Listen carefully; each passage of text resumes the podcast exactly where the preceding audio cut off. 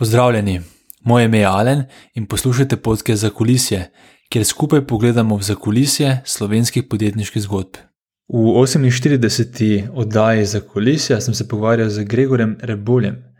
Gregor je uh, serijski podjetnik in uh, danes tudi investitor in ima zelo zanimivo podjetniško zgodbo za seboj. In sicer je najprej ustanovil družbo Klika, uh, takšen zunanji laboratorij za inovacije, ki se je kasneje, leta 2012, uh, združil z uh, družbo Sport Radar, ki je danes uh, največji ponudnik športnih podatkov na, na svetu. Um, in po svojem izhodu iz uh, teh dveh podjetij se je Gregor uh, odločil osredotočiti na povezovanje in rast slovenskega start-up ekosistema. Tako da danes je Gregor izvršni direktor investicijskega sklada, um, nekaterim znan pod imenom Silicijevi vrtički, nekaterim pod uh, sklad Silicon Gardens, ki ravno kar odpira svojo um, drugo rundo, oziroma drugo, drugi sklad uh, investicij, o čemer smo se seveda pogovarjali tudi z Gregorjem. Um, Poleg tega pa je tudi ustanovitelj Curiosity Huba, kjer ustanoviteljem startupa pomaga graditi podjetja že od faze poslovne ideje naprej. Uh, v samem podkastu smo se pogovarjali o vseh teh zgodbah, torej od klike, Silicon Gardens, Curiosity, Sport Radarja. Uh, specifično pa smo se pogovarjali veliko o tem, kako poteka proces rasti in predvsem prodaje podjetja, na kaj so kupci naprimer, najbolj pozorni uh, pri reviziji pred nakupom podjetja in kako je um, Gregor uspel spremeniti poslovni model Sport Radarja. Uh, kar je zelo zanimiva tema, saj se veliko startupov zgodi, da po določenem času uh, ugotovijo, da je mogoče potrebno spremeniti poslovni model, kar je pa vse prej kot enostavna naloga. Tako da to je to v vodu, sedaj pa želim prijetno poslušanje podcasta z Gregorjem. Gregor, kje se začne tvoja podjetniška zgodba ali ambicija? Živo, hvala za povabilo najprej. Um, mogoče bi najprej začel s tistimi začetki, ki so bolj um, inženirski, spravo, kje, kje se je sploh začel ta uh, neka želja ali pa v bistvu pač to igranje z neko tehnologijo, pa z inovacijo in tako naprej. Um, zdaj, jaz sem že malo starejši, tako da v bistvu za me prvi računalnik je bil uh, Spectrum. Um, in tam mogoče je bilo zanimivo to, da pač dobro, poleg seveda igr in tako naprej je bilo zanimivo, da sem imel ful dol časa tega spektruma, kot pa recimo nekdo drug, ki je pa tako izkočil na PC-ja in tako naprej. Za me naslednji računalnik je bil 486. Ne? Kar pomeni, da sem cele generacije vmes preskočil. Ampak to je tudi pomenilo, da sem pa v tistem spektrumu šel pa veliko globi ne? in se pač v bistvu pa že takrat igral z assemblerjem in uh, pač s takimi zadevami, ki so malce bolj uh, tehnološke. In pa še le, ko sem pač uh, preklopil na, na PC, ne se pa lahko igral z različnimi stvarmi. Pač programiranje je bilo zelo hitro nekaj, kar me je začelo zanimati. Um, Kje si se pa te stvari naučil? Ali si se to sam uh, naučil, ali ne so bile neke revije, uh, ali, ali kako si prišel do tega? Ja, to se zdaj zelo težko spomnim, ampak se mi zdi, da so bile revije definitivno. Uh, internet je bil takrat, če pač rahlo v povojih, ampak si v bistvu ful stvari najdel. Se ful spomnim, ker sem imel ful enih upravičenih strani um, profesora računalništva na gimnaziji, um, ker je pač on rekel, da je Gregor se pa pač tukaj neki meni pomaga. Ne? Ja. Jaz sem lahko šel dol in sem se pač tam lahko igral.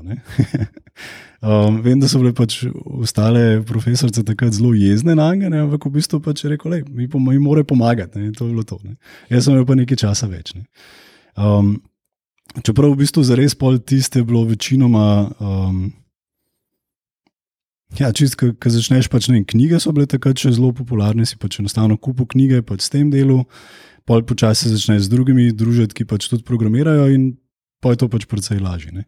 In se spomnim, kako recimo že, že takrat v, v srednji šoli. Ne, Um, sem se igral z raznimi zadevami, ker sem začutil, da je tam nek problem, pa sploh nisem točno vedel, kaj za res delam. Ne. Recimo takrat, spomnim en drug letnik uh, gimnazije, sem naredil pač eno zadevo, ki ti uh, kompresira, pa, pa odkompresira v bistvu zvok. Ne. To je bilo še pred MP3. In zanimivo je, da zdaj, ko gledam nazaj, ne, sem v bistvu tako zelo podoben postopek uporabil, sicer tako kot namen, ne, da pač v bistvu. Um, zvok razstaviš na frekvence, pa pa v bistvu jih odrežeš ne? in tako pač v bistvu skrčeš. Sam da seveda, jaz sem to pač zelo ne matematično, tako če to bilo še pred faksom, še nisem vedel, kaj je furije. um, pač skodiral tisti in um, kompresijo, in v bistvu pol player, ki je pač pol to zaigral. Ne? Ampak to je bilo čisto tako igračkanje. ne. Uh, pol na faksu so bili razni ti. Um, Demoti, kako si lahko s čim manj kode, ne vem, nekaj čim bolj grafičnega naredil. Ne? Pa razni algoritmi so bili moja ljubezen. Um, tako, take zdaj, ki nazaj pogledam, to niso bili začetki podjetništva, ampak v bistvu pač tako tehnološke stvari, ki sem vedno rad tekmoval. Uh, tudi ena taka zanimiva stvar, ki je bila na faksu, mislim, da takrat že um, ACM tekmovanja, ki so bila super, zdaj če pogledam nazaj, ne, ker ni bilo samo tako, kdo bo najbolj sprogramiral, ampak so ti dali nek challenge. Ne, in ta challenge je bil, uh, ti nekaj naredi v zelo omejenem času, ampak more delati na tem omejenem datasetu, ki ga mi damo. Se pravi, ne nujno za vse, uh, ampak samo za nek določen. Se pravi, v bistvu. In pa je bilo, vedno si mogel malo bolj kreativno razmišljati, kako si lahko, seveda, ker časa je bilo precej bolj omejeno, tudi kako pač nekaj procesirati, da nisi glih z brute force, force algoritmom mogel pač tega rešiti, ne? ampak si mogel v bistvu malo bolj kreativno razmišljati, kako v bistvu pa to lahko malo pohekaš, da bo glih za un dataset pač dobro delal. Ne? In ta ICM tekmovanja so bile v bistvu prva taka. Signal kot ne overinženirati, ampak v bistvu da je narediti tisti, da pač rešiš ta določen problem, ki je pred tabo. ne. Aha, kul. Cool. Kaj pa mogoče tak prvi produkt, pa prvo igračkanje, na, katerega zdaj, če nazaj pogledaš, si mogoče najbolj ponosen? Mogoče prvi taki poskusi so bili pol v Hermes Oflabu, so mi dali pač eno tako zanimivo um, možnost. Uh, da sem jaz, pa še dva kolega študenta, ne, v bistvu trije študente, smo začeli delati na neki ideji, nekem produktu, um, ki je pol poznaj dejansko ratala uh, joint venture med Hermes Oflabom in eno irsko, uh, ir- irskim podjetjem, Eurologicom. Uh, in je zrasel to v 45 ljudi zaposlenih. ne. Um, To si bil še študent takrat? To sem bil še študent. Ja. Oh, wow. V bistvu še kot klika sem bil še vedno študent. Ne. To je bilo še pred kliko. ne. Um, in kar je bilo tam super, če gledam nazaj, seveda. Ne, se pravi, eno je, da uh, takrat sem imel možnost v bistvu sestaviti ekipo, ki je prišla naprej na kliko. ne. Uh, se še prav spomnim, v bistvu recimo Žiga Mahkovec, ne, on je sicer pol poznejši na Google, pa pol naprej. Ne. Um, pride enkrat Boštjan Bregar do mene in reče, da tam imamo poletno šolo, gre ga pec izbrati enega študenta. Ne. In jaz sem šel tja, ne, vprašal, kdo je najboljši, vsi so mi pokazali na istega in sem rekel, žigs. Z mano. Ne? In pač njemu je bilo to super, in se je pač priključil. Ne? On je pripeljal pol še svojega sošolca iz Faksa, še Andreja Bratkota. Um, vem, Borut Jerič, tudi kot co-founder Klika, je v bistvu tudi slučajno je štartil na enem drugem projektu, ampak je bil sošolc z mano na faksu in sem rekel, a ne, ne, ne, za njega sem pa slišal, da je dober. Ne. Da je Allah pride k meni in sem ga pol snečno. ne. Uh, Z Lukatom Ferlano sem se pa čistko srečala pač na eni žurki pri, pri enem kolegu, enem sošolcu iz Pežgrajke. Um, in tako, čist, bomo rekel, že zelo zmatrana, uh, tam po noči ob ene, treh, štirih, se mi začnejo pogovarjati, kaj on dela, kaj jaz delam in tako naprej. In je on tudi čisto navdušen nad Hermesom in da bi on lahko tam delal. In sem rekel, valjda, da je jutri prid, pa, pa da vidimo. Ne? In se je pač v bistvu priključil ekipi in je tako pol ratala v bistvu ta kor ekipa, ki je šla pol na kliko. Ne? Kaj pa ste sploh delali? Um, ja, v bistvu Hermes takrat je bil full močen v. Um, Recimo, okoli storage. Uh, se pravi, takrat so naredili Omnibek, to je bil en tak zelo, zelo dobro prodajen produkt, ki so ga inicialno za HP razvili, da ga je HP prodajal in so pač dobili licence, uh, prav del licenčnine in je to super posel za, za Hermes. Ne? In pa so odli pa to replicirati. Ne? So rekli, da imamo znanje v storageu, uh, kaj lahko še vidimo ne? in kaj lahko še prodamo HP-ju. Um, in zaradi tega je pa v bistvu sploh ratala ta skupina, ta na streh, ne? da smo pač v bistvu tam malo eksplorali. Um, šlo se je pa za nekakšen koncept, da če bo storage tok naraščal, kot se je že takrat videl, da bo, ne? pa je to še fulbol eksplodiralo. Um, verjetno boš rabo tudi neke načine, kako ti menedžaš. Kaj ti dejansko imaš tam? Se pravi, da v bistvu temu se je rekel storage resource management, takrat je pol par produktov se je pojavilo s- na tem segmentu. Um, in ti je pač v bistvu iskali duplicirane file, kaj za ene stvari so tretirane kot junk file, a so maili pač v bistvu um, kakšni taki, ki bi jih lahko arhiviral, pač take enterprise optimizacija tvojega storagea. ne. In takrat je bilo zanimivo, pač v bistvu se jaz še po mojem še 20 nisem bil. in smo se tam s HPM pogovarjali, ali bi oni v bistvu so oni delali due diligence pač na, tem, na tem projektu. Ne. In tudi recimo uh, Karli Fiorina, ki je bila takrat uh, direktorica HP-ja. Uh, Je prišla v bistvu na, na Hermes Softlab in tudi takrat smo ji lahko pokazali ta naš produkt. Ne. Sicer HP se je nažalost takrat odločil, da oni ne bi uh, investirali v to. Um, in smo pa v bistvu dejansko najdel to pot z uh, tem partnerjem Eurologic, v bistvu to je bilo eno irsko, irsko podjetje, in je to joint venture 50-50 z tem irskim podjetjem, kjer je bilo nekako mišljeno, da bodo oni poskrbeli za prodajo. Mi kot Hermes, oziroma Storskaj, pa kot uh, razvoj. Ne? In smo takrat odprli pisarno v Bostonu, prodajati tam. Um, pač najdel smo tam ljudi v Ameriki, ki so bili v bistvu in prodajalci, produkt management in tako naprej.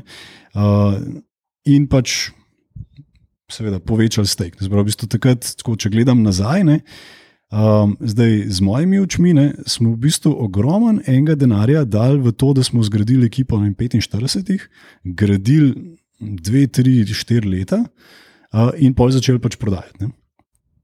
Kar zdaj le nazaj, ko gledam, je to meni zelo hecno. Ne, v bistvu, ne. in, uh, to je bilo te prvič ki smo se, se srečali z nekim takim kiksom. Ne? Uh, in smo videli, recimo, da se jaz recimo, z našim prodajnikom uh, pač hodil od stranke do stranke. Uh, da sem videl, da pač mi jim predstavljamo naš set, pa kaj smo razvili ne, in kako dela. Ne. Ampak takoj za nami so prihajali še eni drugi, eni američani, ki so se pa malce bolj startupiš obnašali. Oni so pa vsakič, ko so prišli do druge stranke, so imeli malce drugačen feature set. Malo so spremenjali. Zakaj? Ne? Zato, ker oni so pa v bistvu imeli vse stvari samo še na, sam na papirju, USB-je in a to pali. Ne? In pol tiste stvari, ki pač niso bile zanimive, so delovali in so pravili nekaj drugega. Ne? In so bili lahko fulbol agilni, fulbol ja. hitri. Ne? Um, ampak je trajalo po, po tem še, še nekaj takih zgodb, ne, da sem v bistvu to res dejansko začel um, zaznavati. Ne, da pač v bistvu to je lahko en tak velik problem, ne, da se ti zaletiš v grajenje nekega solušna, še preden ga v bistvu zares um, preveriš ne, na trgu. Še posebej, če si kot ti, ko imaš znanje glede produkta. Ne. Potem enostavno te takoj gravitira v to smer, da želiš nekaj zgraditi. Ne. Tako je. Ja. Hermes kot Hermes v bistvu imel velik inženiring masel, se pravi, v bistvu ni bilo problem zgraditi. Ne. In valjda smo rekli, gremo graditi. Um, sam, ja, je pa to lahko velik problem. Ne. Drugo je pa tudi, uh, drug problem se ti lahko isto zgodi, če pač kot startup, da ne pazi, da prehiter dobi denar, ne, ali pa da v bistvu ne zna dejansko ločiti tega. Ne. Reči, ok, zdaj to gnarja rabimo za veš, problem discovery, ne. to gnarja pa za naprej. Um, ker A. lahko vzamejo pač tisto investicijo že kot validacijo in grejo kar nekaj graditi, se zaprejo. Tega, nažalost, vidim kar dosti. In na koncu pridajo pač ven, po vem, pol leta, letu nekega razvoja, porabijo mogoče neke interne rezerve, energijo in mislijo, da zdaj, pa, zdaj bo pa zalaufal. Ampak takrat se šele s trgom srečajo. Sploh, Aha, ok, razumem. Ampak sej, na, na to temo bo prišla še nazaj. Ja. Še, je še kar ene par eh, takih primerov. Podobnih primerov. Ja. Potem mi nekaj drugega še povej. Uh, na podkastu sem imel še. Uh, enih par teh podobnih zgodb, zdaj kot je ta tvoja, naprimer Jurek Leskovec, pa Jugoslav Petkovič, pa Andraš Tori in tako naprej, ko so vsi, se mi zdi, da se v zelo podobnem času začeli se ukvarjati bolj z tem produktno stranjo, z kodo, z programiranjem. In um, še prednje je bilo to, rečemo, popularno, prednje so startupi bili popularni in to. In ste imeli, če tako za nazaj gledamo, ne, verjetno full over timing, da ste se tega lotili in da se potem to povezalo s podjetništvom. Pa če se ne strinjaš z mano, povej. Ampak me zanima, Uh, kot prvo, ja, če se strinjaš, drugo, če pogledamo današnji svet, kjer smo zdaj, ne, kaj pa ta današnja stvar, ki je mogoče, veš, če se zdaj odločiš, če se boš loteval, pa če izuzamemo iz te funkcije, kar te res interesira, bolj samo iz, iz vidika timinga, kaj je ta stvar, katero se splača mogoče vlagati čas in, uh, ja, čas in sredstva, da se pač to naučiš, da boš mogoče ahead of the curve. Uh, ja, kot prvo, definitivno se strinjam. Ne, pač to, so bili tako časi učenja. Takrat v bistvu startup še ni bilo nek tak pojem, kaj še ne bi bil to nek tak hip pojem, kot je pač zdaj, uh, ker je že vsaka firma pač startup. Ne? Um, Samo zato, da se boljše sliši. Ja, ja, recimo. Ja. Um, to je bilo pred 2000, prav, v bistvu, ne, mislim, da je prvi, ki bi rekel iz našega ekosistema. Kristjan je v bistvu bil prvi, ki je pač za Daisy Technologies pač rezel nekaj denarja. Ne. Um, on je bil v bistvu pač začetnik, Um, takrat se v bistvu še nismo zares pogovarjali o startupih, o produktih in tako naprej, oziroma smo govorili na drugačen način. Ne. Takrat v bistvu je bilo še čisto v redu, da si ti pač neki delo v. za zaprtimi vrati, in potem se šele pač začel pogovarjati. Um, in to se mi zdi, da zdaj, ki je več tega podjetništva, um, ki je tudi hitrost večja, Um, enostavno pač ti moraš to zoptimizirati. Ne? In v bistvu prvič te hit and miss uh, zoptimiziraš, ne? se pravi, koliko dejansko zadaneš, če se greš prej pogovarjati s trgom, in drugič uh, zoptimiziraš, kaj točno moraš sploh zgraditi. Ne? Tako da v bistvu je, je dosta no-brainer. Kaj je ta pravi postopek? Uh, je pa res, da se pa relativno malo ljudi tega drži. Ne? Ampak tukaj mogoče smo pa dotaknili tega še pri Curiosity. Ja, definitivno. Upam, da je neko tako zdravilo za to. Ne? Kaj pa ta drugi del vprašanja, uh, če imaš občutek, mogoče zakaj pa je v našem času pravi timing, da se. Uh, veš, kaj, če bi se lotil tega danes, bi te postavilo v podobno pozicijo kot je tebe takrat isto programiranje? Kaj je takšno znanje, kaj mu še takšen trend, ki če bi se zdaj začel z njim spoznavati, da boš pred časom, da potem, ko pride čas za tisto, da bo tisto popularno in mm. da bo podjetje to iskalo, da boš ti že imel znanje, veš, da boš zajahal ta val na pravem trenutku. Ja, se mi zdi ena zadeva, ki je v bistvu tako zelo univerzalna. Zdaj, eni temu rečejo podjetništvo, drugi rečejo temu vem, design thinking, uh, ali pa čisto v bistvu lahko bi rekel tudi čisto common sense. Ne? Imaš tudi lean approach, imaš en kup enih metodologij, ki jih lahko vzameš, ampak vse v bistvu na, na dosti podoben način delajo. Ne? Se pravi, poišči nekaj, kar tebe žuli, idealno je, da pač tebe to žuli. Um, in Poglej, če pa če koga, drugi, če koga drugega to žuli in kako bi lahko to rešil. Ne? In ko se pogovarjaš um, z temi potencijalnimi strankami, ne, potem v bistvu tudi vidiš, ali je to nekaj, ki moraš ti se siliti, da dobiš sestank, ne? ali je nekaj tako, ki ni tako nujno, ali je v bistvu to nekaj tazga, ki te stranka začne prositi, da je prosim, lahko ti to narediš, ker jaz bi to zdaj le zdaj le. Um, in ta feeling hočeš. Ne? In zdaj ta cel postopek ne, je v bistvu lahko ga uporabiš zdaj pri razvoju novega produkta v neki veliki, velikem podjetju. Uh, pri strategijah lahko ga pač uporabljaš pri uh, malih firmah, pri razvoju pač startupov, zelo čisto v podjetništvu. Uh, lahko ga pa tudi isti postopek, ne, um, ali pa zelo podoben postopek, pač uporabiš tudi, v, um, vem, ko se greš pač, vem, iskat za novo službo. Recimo, um, veš, kaj ti bo dal pač nek način, kako ti lahko oceniš, da bo ta firma, za katero si se ti odločil, ali ima ta firma potencial ali ne. ne. Um, ker nažalost ne je pač v bistvu doskrat odvisen pri razvoju nekoga, ne, enega človeka. Ne. V bistvu, a mu lahko samo podjetje omogoča tisto osebnostno rast. Uh, če firma stagnira ali pa v bistvu um, celo uh, se krči, ne, uh, pač mu ne bo mogla, ne? ker v bistvu tam bo sam vedno manj ljudi, bo ne bo nekih challengev in tako naprej. Uh, firme, ki pa imajo visoko rast, imajo pa tudi možnost, da ko nekaj obvladaš, da ti dajo še nekaj dodatnega in še nekaj dodatnega. Ne? In v bistvu ljudje, ki si želijo pač, recimo, da konstantno učiti ali pa konstantno izboljševati, po moje, no, hočejo pač ta feeling, ne? da pač, okay, ne, zdaj bi nekaj novega bi se rad naučil, ne? dobiš pač um, da imaš neko varno okolje z nekim mentorjem in z nekim konkretnim problemom, uh, ki ga rešuješ. Um, in v bistvu na koncu, ko to vladaš, greš eno stopničko više. Ne? In tako pač v bistvu ti pa kot oseba lahko uh, precej boljš, pa precej hitreje napreduješ, kot pa če bi, če, če bi pač šel ven, se odločil za neko podjetje, ki pa ni tako perspektivno. Da, um, to so pač različni. Um, različni rekel, uporabe tega, ne, ampak načeloma je pa uh, sama metodologija je pa zelo podobna.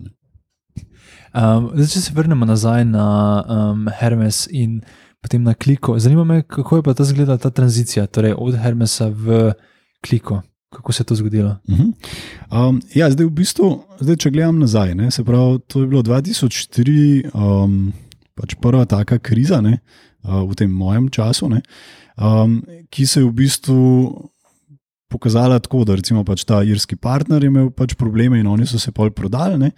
Uh, in je Hermes pa rekel, da bomo mi zdaj Storskype nazaj priklopili ne, in bomo potem pač razvijali vem, storitve um, v, v tem področju. In mislim, da Hermes še vedno, pač v bistvu ta storage del je še vedno zelo močen. ne. Um, Zdaj, nas pet pa to ni glih čist najbolj zanimalo. Se pravi, v bistvu, mi smo pa tudi s temi stock opšni in z vsemi tem um, opšni, s temi bonusi. Um, pač, seveda, če se to priklopi nazaj v Hermes, nas ni tako zanimalo, tudi v bistvu delo v tako veliki firmi nas mogoče ni tako zanimalo. Uh, in smo se usedli, um, takrat se spomnim, smo sestavili en seznam različnih idej, kaj bi lahko delali. ne. Um, in v bistvu pol začeli z kliko. ne. Uh, klika, v bistvu, če pogledam nazaj, ne, seveda, mi smo bili, dobri smo bili v inženiringu. Uh, tudi ti bivši sodelavci, ki so nas poznali, so vedeli, da smo v bistvu zelo dobri v tem. In smo pol čez to začeli dobivati po eni strani te posle, ki so čist, rekel, um, razvoj programske opreme po naročilu. Recimo z temi bivšimi sodelavci iz uh, Storske, pa nekaj so šli pa v bistvu v neko drugo firmo, Storage spet uh, v Bostonu, smo začeli z njimi delati. Um, in pa take podobne. Seveda, v bistvu probali smo vedno zbrati ena take tehnološke probleme, ki so bili res challenging. So stvari, ki jih ponovadi noben drug še ni delal, ki je bilo še tako na meji, a se da narediti ali ne. Recimo ta permabit je delo, ful zanimiva stvar. Ne? Da pač ti, ko um, shraniš pač svoje datoteke pač na, na nekem diskovju, da on v bistvu to razbija na bloke in v bistvu ugotovi, kje so duplicirani bloki. Ne? Ker se ti doskrat zgodi, da imaš ti ali neke čisto identične file, ali pa v bistvu te file, ki se sami inkrementalno malo spremenjajo. Ne? In v bistvu ti lahko res veliko pošparaš pač pri storageu, če v bistvu na tak način gledaš. Ne? In smo v bistvu za njih delali, ne, po mojem, dve, tri leta, sigurno. ne. Uh, potem smo delali za, um, recimo, za en startup, ki je v bistvu takrat še na Nokia napravicah, Spravo, to so bili tisti Symbian um, telefoni, uh, live video streaming. Ne. To je nekaj, kar je zdaj tako čist samoumevno, ampak to je bilo leta 2005-2006, pojma nimam, koliko časa nazaj. Ne. Takrat je bilo to tako nenormalno. Ne. In v bistvu smo mogli od um, zajema iz kamere si še sami enkodirati in si svoj protokol mogel zmisliti, da se je to poslal na server in pa v bistvu tam enkodirati, pa player. Pa tako, ne? da si v bistvu dosegel ta live video streaming. Ne? To nam je bilo spet challenging. Ne? Um, pa smo recimo uh, ena zdaj, ki jo zdaj po mojem že lahko govorim, ne? uh, za Patreon, v bistvu software smo v bistvu na kliki tudi razvijali, se pravi to, kar ti. Um, kar povezuje pač različne elemente, senzore in tako naprej. Uh, do v bistvu tega radijskega, zelo v bistvu en tak um, model smo razvili, ki ti um, peer-to-peer radijsko komunikacijo omogoča. Um, se pravi, ti lahko v bistvu ta range ti precej bolj razpotegne. In mislim, da še zdaj obstaja firma, ki je sicer pošla ven iz, uh, iz SNT-ja, uh, ki je bil v bistvu naročnik takrat. Um, še zdaj obstaja ta firma in v bistvu še zdaj prodajajo pač ta produkt, oziroma nekaj, kar je iz tega pač nastalo. Kako lahko govoriš o tem projektu iz Patria, da se sliši bolj zanimivo. Ta cel proces, kako izgleda od tega, da dobiš projekt uh, z, z vojsko, slovensko. Uh, Mislim, nam je bilo predvsem tako tehnološko zanimivo. Um, zdaj, kaj se pač dogaja s temi tanki, pa tako naprej, pač niti ne toliko. Mi smo bili tako podizvajalci od podizvajalca, verjetno. Ne? Ampak še vedno pač v bistvu je bilo tako zanimivo, ker pač v bistvu je pol, kdo od naše ekipe je mogel vem, leteti v Izrael, pa se pač tam meniti z vem, določenimi proizvajalci te pa te opreme in potem v bistvu to integrirati. In tako, ne? Bolj smo gledali to kot fan. In, in to se mi zdi tudi neka taka rdeča nit, ker smo. Um, Se pravi, s časom smo prišli v bistvu v tako pozicijo, da smo lahko mi zbirali projekte ne? in mi zbirali stranke. Ne? Se pravi, nismo pač vsakmo rekli, ja, seveda. Um, predvsem smo preferirali v bistvu take, kjer so imeli še celo tako malo odprto idejo, kaj bi radi, ampak še niso čisto točno vedeli, kaj pa kako. Um, zdaj, če bi zdaj z današnjo terminologijo, um, bi rekel, da smo bili v bistvu, in tudi zakaj so nas cenili, ne? ker smo v bistvu delali kot neke vrste zunanji innovation lab. Ne? No, in recimo, nekdo, pač je prišel nekdo, ki je imel neko startup idejo, da bi lahko miksil muziko, glasbo v browserju. So, takrat to je bilo nevideno, ne? ampak mi smo to pol takrat dejansko nameravali, to v bistvu se pravi, tam je treba latency, une efekte, kako delaš in tako naprej. In smo ščarali 15 let nazaj, ne v bistvu je to dejansko delali. Um, pa smo delali še recimo um, vem, ta uživo sledenje vem, za razne regate in tako naprej. To je pa že izhajali iz recimo. Te, tega drugega dela klike, ne? ker smo pa sami smo imeli vedno ta ič, ne? da Dajmo mi nekaj še svojega narediti. Um, recimo, ne vem, spomnim, da ena od unih, ne vem kolikih idej, ki smo jih pač takrat na začetku napisali, ne, ena od idej je bila ta, ne, da pač če greš ti ne vem, nekam potvati, ne, um, narediš une slike, um, ampak pol v bistvu moraš biti zelo zorganiziran, da boš te slike sortiral, da jih boš pač oblikoval, mogoče neko zgodbo napisal, uh, označil, kje si bil in tako naprej. Ne. Veliko enega dela. Ne. Zdaj, vsi smo radi potovali, ne, to je bila neka skupna potreba in smo rekli, da se da to v bistvu zboljšati. Ne. In smo takrat najdel, se pravi, to spet, to niso bili.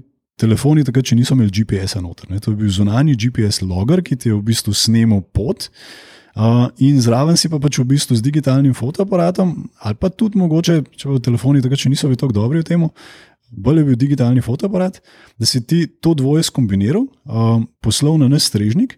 In mi smo pa tukaj eno tako inovativno um, pristop vzeli. Ne? Se pravi, vzeli smo čas iz fotografije um, in ga pač v bistvu pogledali, kje si pa ti bil um, na zemlji. Ne?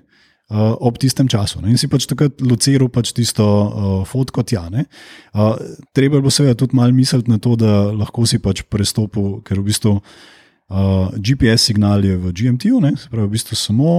Eno, ne, ne veš, v katerem time zonu si. Ne? In smo mogli polno narediti en tak algoritem, da ti je dejansko, glede na lokacijo, ti še time zone na sajnu in pol v bistvu korigiral čas, tako da je pač pol to vse funkcioniralo. Najbolj pomembno je bilo pa to, da te tehnikalije so bile odzad skrite, UX je tiskaj pomemben, ne, da user pride, zaploada to dvoje in dobi magic. Dobi v bistvu mapo s točkami, kje so njegove fotke in v bistvu celo vizualizacijo. On sem pritisnil play in sem mu pač vse to odšpila. Uh, lahko je tudi uživo delo in pač sproti pisal celo zgodbo. Ljudje so bili full, full navdušeni nad tem produktom. To je bilo spet, to je bilo 2003-2004. Um, to je bilo še pred Google Mapsom. Ne, smo mi mogli najprej pač Maps implementirati, ne, najprej pač neke šiti mape, pol je Google Maps prišel, smo se še nekaj časa fajtali, da v bistvu bomo mi probali tudi tako narediti. Se pravi, v bistvu smo dejansko od nas vzeli satelitski imaging, ga um, skombinirali, ne, zato ker v bistvu tam še pride v drugačnih oblikah, in v bistvu potem um, pač naredili tak interfejs, kot je bil Google Maps. Ne. Zataknil se je seveda čez par let, ker je Google seveda več in več investiral in so lahko prišli že na metrsko resolucijo, mi pa od nas nismo mogli dobiti teh slik.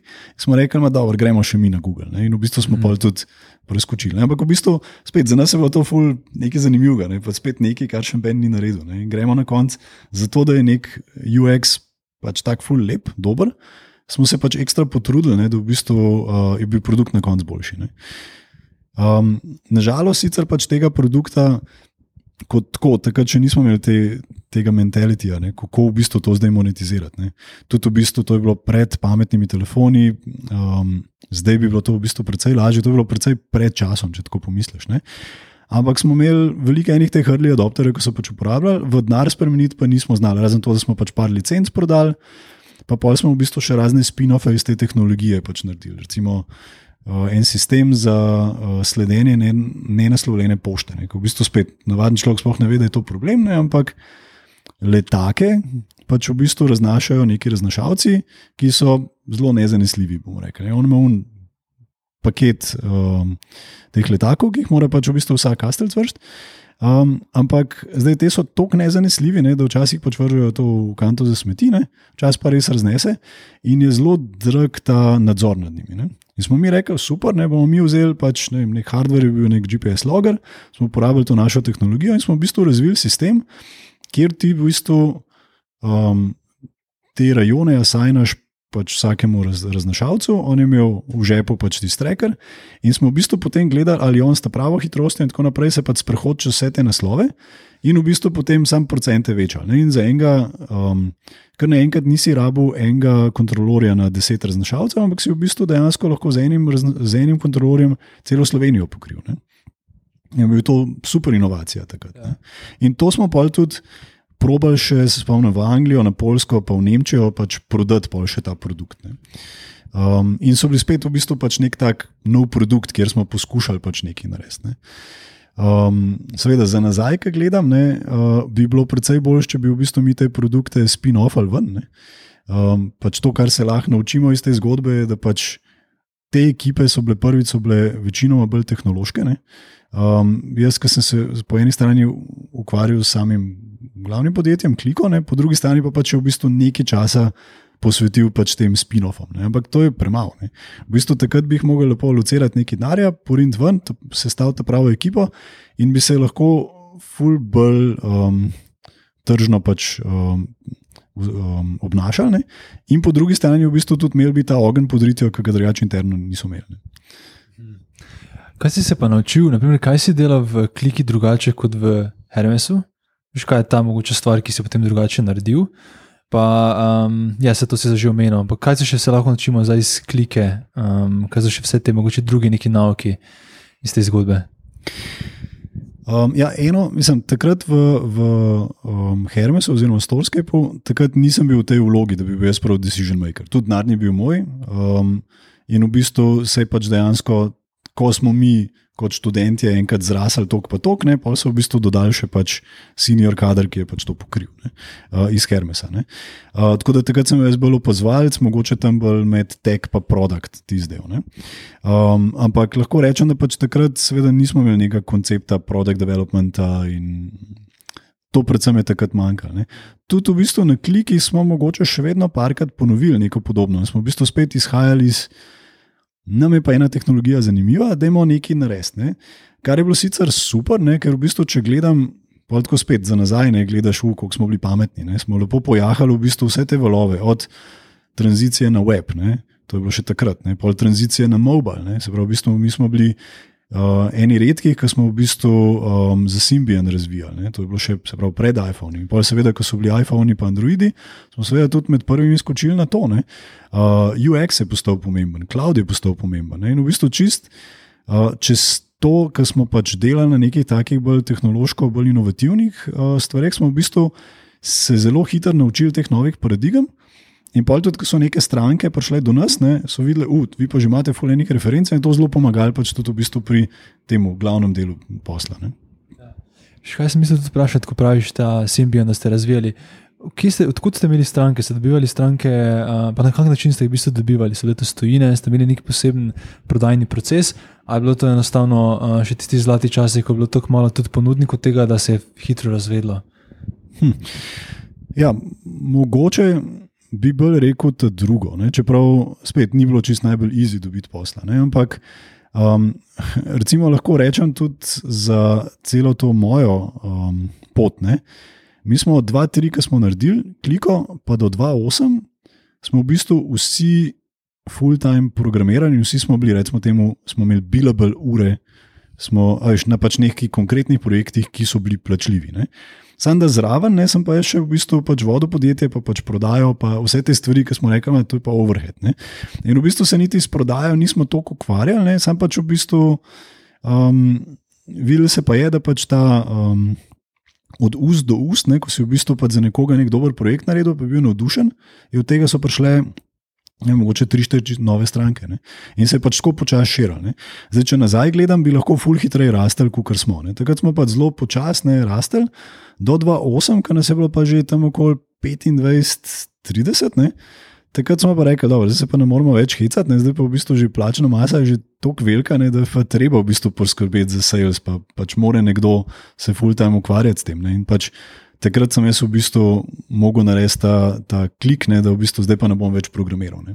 In, in zdaj, če gledam nazaj, ne, verjetno bi bilo to ful boljš že prej narediti. Mislim, ne verjetno, sigurno. Ne. Um, sam po drugi strani pa spet, ne, v bistvu tehnologija, pa ta del je pa še vedno meni blizu. Tako da sem mogel pa najti nek tak um, preres, ne v bistvu tega, da še vedno si v stiku z tehnologijo ne, in v bistvu, ker jo razumeš pač uh, jo lahko obvladaš, veš v bistvu, kaj se da narediti, ampak se pa bolj posvetiš v bistvu temu um, prodajnemu delu, temu bolj poslovnemu delu. Kaj je bila ta odločitev za tebe osebno, ta, da, da si se odločil, da pa moram nehati programirati? Ne? In se mi zdi, da je kar tako pomembna odločitev, pomemben element v podjetniški zgodbi, ko um, če si tudi ti tisti, ki si ustanovitelj, pa si ti na začetku proizvajal produkt, v enem trenutku ugotoviš, da ok, zdaj pa mogoče moram jaz stopiti v stopničko više, pa nekaj drugega početi in nekako nehati s tistim osnovnim, kaj si začel. Ne? Mm. Je bilo težko odločiti za tebe ali je bila enostavno nekako naravna potem naslednji korak? Mislim, naravno je bilo toliko, da je bilo to treba narediti. ne. Zdaj, ja. uh, zdaj um, lahko pa definitivno ni bilo. Jaz se pač spomnim tega, ne, ker sem videl tudi v bistvu pri mojih co-founderjih podobno, ko so pač pol pozneje uh, tudi mogli pač to tranzicijo narediti. Uh, da se v bistvu ukvarja s tem, šit, kaj pa zdaj, ne, v bistvu, če jaz ne bom tek toliko obvladal, ne, prvič kdo pa bo ne, in v bistvu. Kaj pa pol moja vrednost? Ne, veš? in, in se ful s tem ukvarjaš, če pa ne bom jaz v bistvu čist hands-on na tem delu, ne, pa pa mogoče veš, ne bom več toliko lahko doprinesel podjetju. ne. Um, sam, vsaj kar sem jaz videl, ne, recimo heca, no, če tako pogledaš revenue graf, klike. Ne, do leta 2008, kako smo rasli, pa pol v bistvu 2008, pa to so glih začetki krize. Ne. Ja, mi smo se glih drugače obnašali, mi smo šli full gor, strmo gor. Ne. Sej, nazaj, ki gledam, je logično. Ne, pač, valjda, nekdo se je začel full time ukvarjati s prodajo in v bistvu tudi, kaj mi sploh delamo, kako se predstaviti, in tako naprej. Ne, tudi malo bolj strateško začneš pač uči, uh, iskati uh, stranke, in tako naprej. Ne začneš se pa ukvarjati s podjetjem. Ne. Um, je pa ni, ni bilo enostavno. Ni bilo enostavno. Je pa pomemben pa to, da še vedno je pa tehnologija tako močen del, da jaz še, še zdaj dnevno sledim vse te razne stvari, ki se pač dogajajo, ki se razvijajo. Um, ampak gledamo v bistvu jih mogoče na mal drugačen način. Ne? Kaj pa zdaj to pomeni za nek poslovni model? A zdaj to odpre neke nove priložnosti. Ne? Um, bolj to. Ne? In pol greš pač v bistvu lahko globi noter in, in pač najdeš res v bistvu neko priložnost. Ne? En, še eno vmesno vprašanje imam, zdaj si omenjal krizo. Uh, in zdaj že vem, deset let je v zadnji krizi, če ne celo več. Teda malo se že nekaj več čuti, govori, da pride naslednja, pa se nima veze, če pride. Ampak veš, kaj me zanima z tvojega vidika, ki si zdaj že kot lastnik podjetja šel skozi eno krizo. Me zanima, na kak način se smiselno pripraviti, če sploh kot podjetje um, na krizo. Vem, da je zelo splošno vprašanje, mislim, lahko ga tudi se lotiš drugače, ampak na splošno me zanima, veš, kaj kot podjetnik moraš razmišljati v času, ko čutiš, da mogoče se prelamlja gospodarska rast, pa gre enostavno zaupanje tudi potrošnikov v drugo smer. Ja, mislim, zdaj mogoče najprej disclaimer. Um, in na kliki smo imeli v bistvu kar srečo, mogoče čisto zaradi tega, ker pač. Um, Ko se je kriza pojavila, so v bistvu ti veliki igravci začeli šepati. Ne? V bistvu oni so ratali pač predragi, ti si mogel fulbol inovativno pristopiti k nekem reševanju pač enega problema. Ne? Ni bilo dosti, da si kar pač vzel neko full drago development firmo, ampak si v bistvu mogel ali isto narediti za manj, ne, pa ne govorim to cnej na, na glavo ne, ali pa na uro, ampak v bistvu samo na mal drugačen način. Ne. In tukaj je bil, nas je bil, za nas je bil to full dobro fit. Ne. In zato je tudi v bistvu nam bilo pol full lažje v krizi. Ne. Um, drug, uh, recimo, pogled krize, ne, ki je bila pa pol um, malo pozneje, ne, recimo, pač, ko smo bili že znotraj sportradarja, ne, uh, je pa spet v bistvu nek tak produkt, ki vsaj do zdaj ne, ni videl nekih kriz. Ne. Mogoče bi lahko celo rekel, da takrat, ko je, ko je neka kriza, folk v bistvu mogoče celo več uh, hodi v športne stavnice. Ne. Zdaj ne vem, ali je to res ali ne, ne ampak vem, da kot sportradarju se v bistvu ni nič poznalo. Uh, za vsako krizo je pa seveda fajn, ne, če nekaj tajnega čutiš, da si pač malo več uh, cash rezerv imaš, um, da ne greš v bistvu v neke take. Uh, nepotrebne investicije, kot so recimo, ne vem, za nas je bilo vedno poslovni prostori. Ne. Zakaj bi v bistvu mogel kupiti poslovne prostore, če ne vem, ali bom čez leto, dve, mogoče dvakrat večji ne. in bom rabo čist drugačne prostore in se bom mogel seliti. Um, tako da smo v bistvu vse še zdaj, ne, pač v bistvu se lepo najema ne, in um, si ful bolj fleksibilen. Je seveda dražji, ne, nekdo zasluži nekaj dodatno, ampak si pa ful bolj fleksibilen. Ne. Po drugi strani ne, pa spet ti boš svoje sredstva lahko ful bolj ful boljšo porabo, kot pa samo, da boš tam pač nekaj pošparil. Pri, um, recimo, če imaš pač neko 30-letno rast, ja, poje valjda ful boljš um, investirati vase, ne, kot pa da investiraš v neko nepremičnino, ki ti ne bo nič delala, sam pošparil boš nekaj pri najmninah. Ne. Ja, ja. Zdaj se še malo dotaknil te naslednje, um, še malo naslednji korak v tej zgodbi uh, od klike in sicer ta prodaja um, podjetju Sport uh, Radar. Sports Radar. Um, lahko malo več poveš o tem, torej kako je prišlo do tega, da ste postali del tega večjega podjetja. Pa če nas splošno tudi, mislim, da dosti poslušalce, pa tudi mene, zanima, kako poteka sploh proces prodaje podjetja. Mhm. Ja, zdaj, Sport Radar je bil v bistvu um, ena od naših strank. Pravi, to je bilo v bistvu, uh, malo se hecen slišati, ampak mi smo šele tam 2010 začeli v bistvu organizirano napadati tuje trge. Ne. Smo pač na ta način prišli, mislim, da je bil Sport Radar druga stranka, taka tuja, ne, ki je prišla do nas. Um, oni so nam dali pač par challengeov, mi smo pač z njimi delali, smo jim v bistvu tudi. Um, par stvari uh, pokazali, kaj bi v bistvu še lahko naredili, ne? tako kot v bistvu s kjerkoli drugo stranko smo delali. Um, in oni v eni točki, po ene pol, tri četrt leta, um, pridejo do nas in rečejo, Grega, ej, um, dej, kaj pa če bi mi pač nekaj skupaj naredili. Ne? In smo se pa začeli pač v bistvu pogovarjati o tej združitvi. Um, in nam je bila v bistvu ta ideja zelo všeč, ker v bistvu pač sam sport radar. Um, v bistvu, kaj dela, ne, je v bistvu največji ponudnik športnih podatkov zdaj. Ne. Takrat v bistvu je bila še ena, ena firma večja, um, tako je bil recimo drugi. Um, kaj pa dela ta ponudnik športnih podatkov, je pa, da po eni strani pobira športne podatke, ne se pravi, da v bistvu ali pošleš. Um, Zdaj temu rečemo data žurnaliste na teren in oni v bistvu vnašajo v telefon, kaj se dogaja. Ne se pravi, je to zdaj nek gol se zgodil, je bil nek karton, je bil nek um, kod. Um, in v bistvu tudi tako zelo, zelo kritične signale, ne, kot so recimo nevaren napad, ali pa zdaj pa konc nevarnega napada. Ne. In to se potem zapakira in prodaja uh, športnim stavnicam, uh, ki pa v bistvu. Um, Te podatke, seveda, vzamejo za svoje športne stavne razmerja, in po drugi strani, če oni dobijo pač ta signal, nevaren napad, je, oni ustavijo športne stave. Ne? In v bistvu, ko on reče, zdaj pa v redu, se stave spet začnejo. Ne? Se pravi, so taki zelo, zelo kritični um, podatki, ki morajo biti točni, ki morajo, uh, ne smejo zamujati, ne smejo biti prehitri. Um, in zaradi tega ne so v bistvu tudi športne stavnice pripravljene veliko plačati, ker brez tega ne morejo funkcionirati. Uh, zdaj, Nam se je pa zdel, zdaj v sportu radar v bistvu zelo zanimiv, ker v bistvu tukaj imaš pa prvič vsebino, ne pravi, zdaj imamo kar nekaj športne podatke in kaj lahko bi vse s tem naredili. Ne? In zdaj, ker sem vedno nazaj gledal na ta proces, ne, v bistvu oni so sicer predlagali združitev, mi smo rekli, da pač, mi vas ne poznamo, da imamo se malo bolj spoznati. In so bili tako odprti in tako sigurni, da bomo mi rekli, ja, ne da so nas v bistvu povabili na management offside, offside ki je pač vsako leten, uh, kjer pač se cel management se pogovarja o ključnih izzivih sport radarja. Ne? In to traja pač par dni, gre pač nekam v Avstrijo med gore. In v bistvu tam. Um, Ali so bili zelo odprti, smo pač spoznali smo lahko celo ekipo, so bili zelo odprti o vseh rizikih in v bistvu tudi o, o raznih strategijah in potencijalih smo se pač pogovarjali. Um, in na koncu smo se mi odločili, da ja, nam je pač zadeva zanimiva in da gremo se združiti.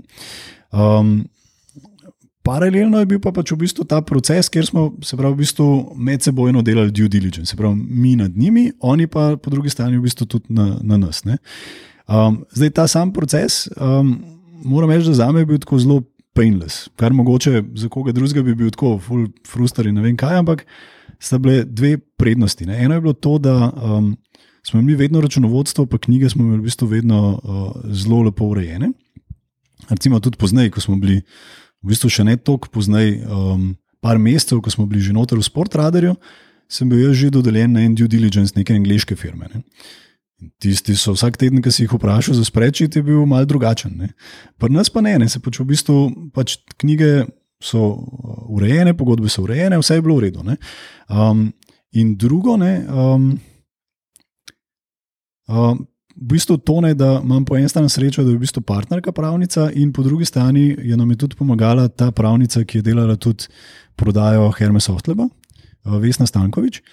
In v bistvu one dve sta pa super, ali v bistvu sem bil suporožen um, z dvema močnima uh, pomagačama. Ne?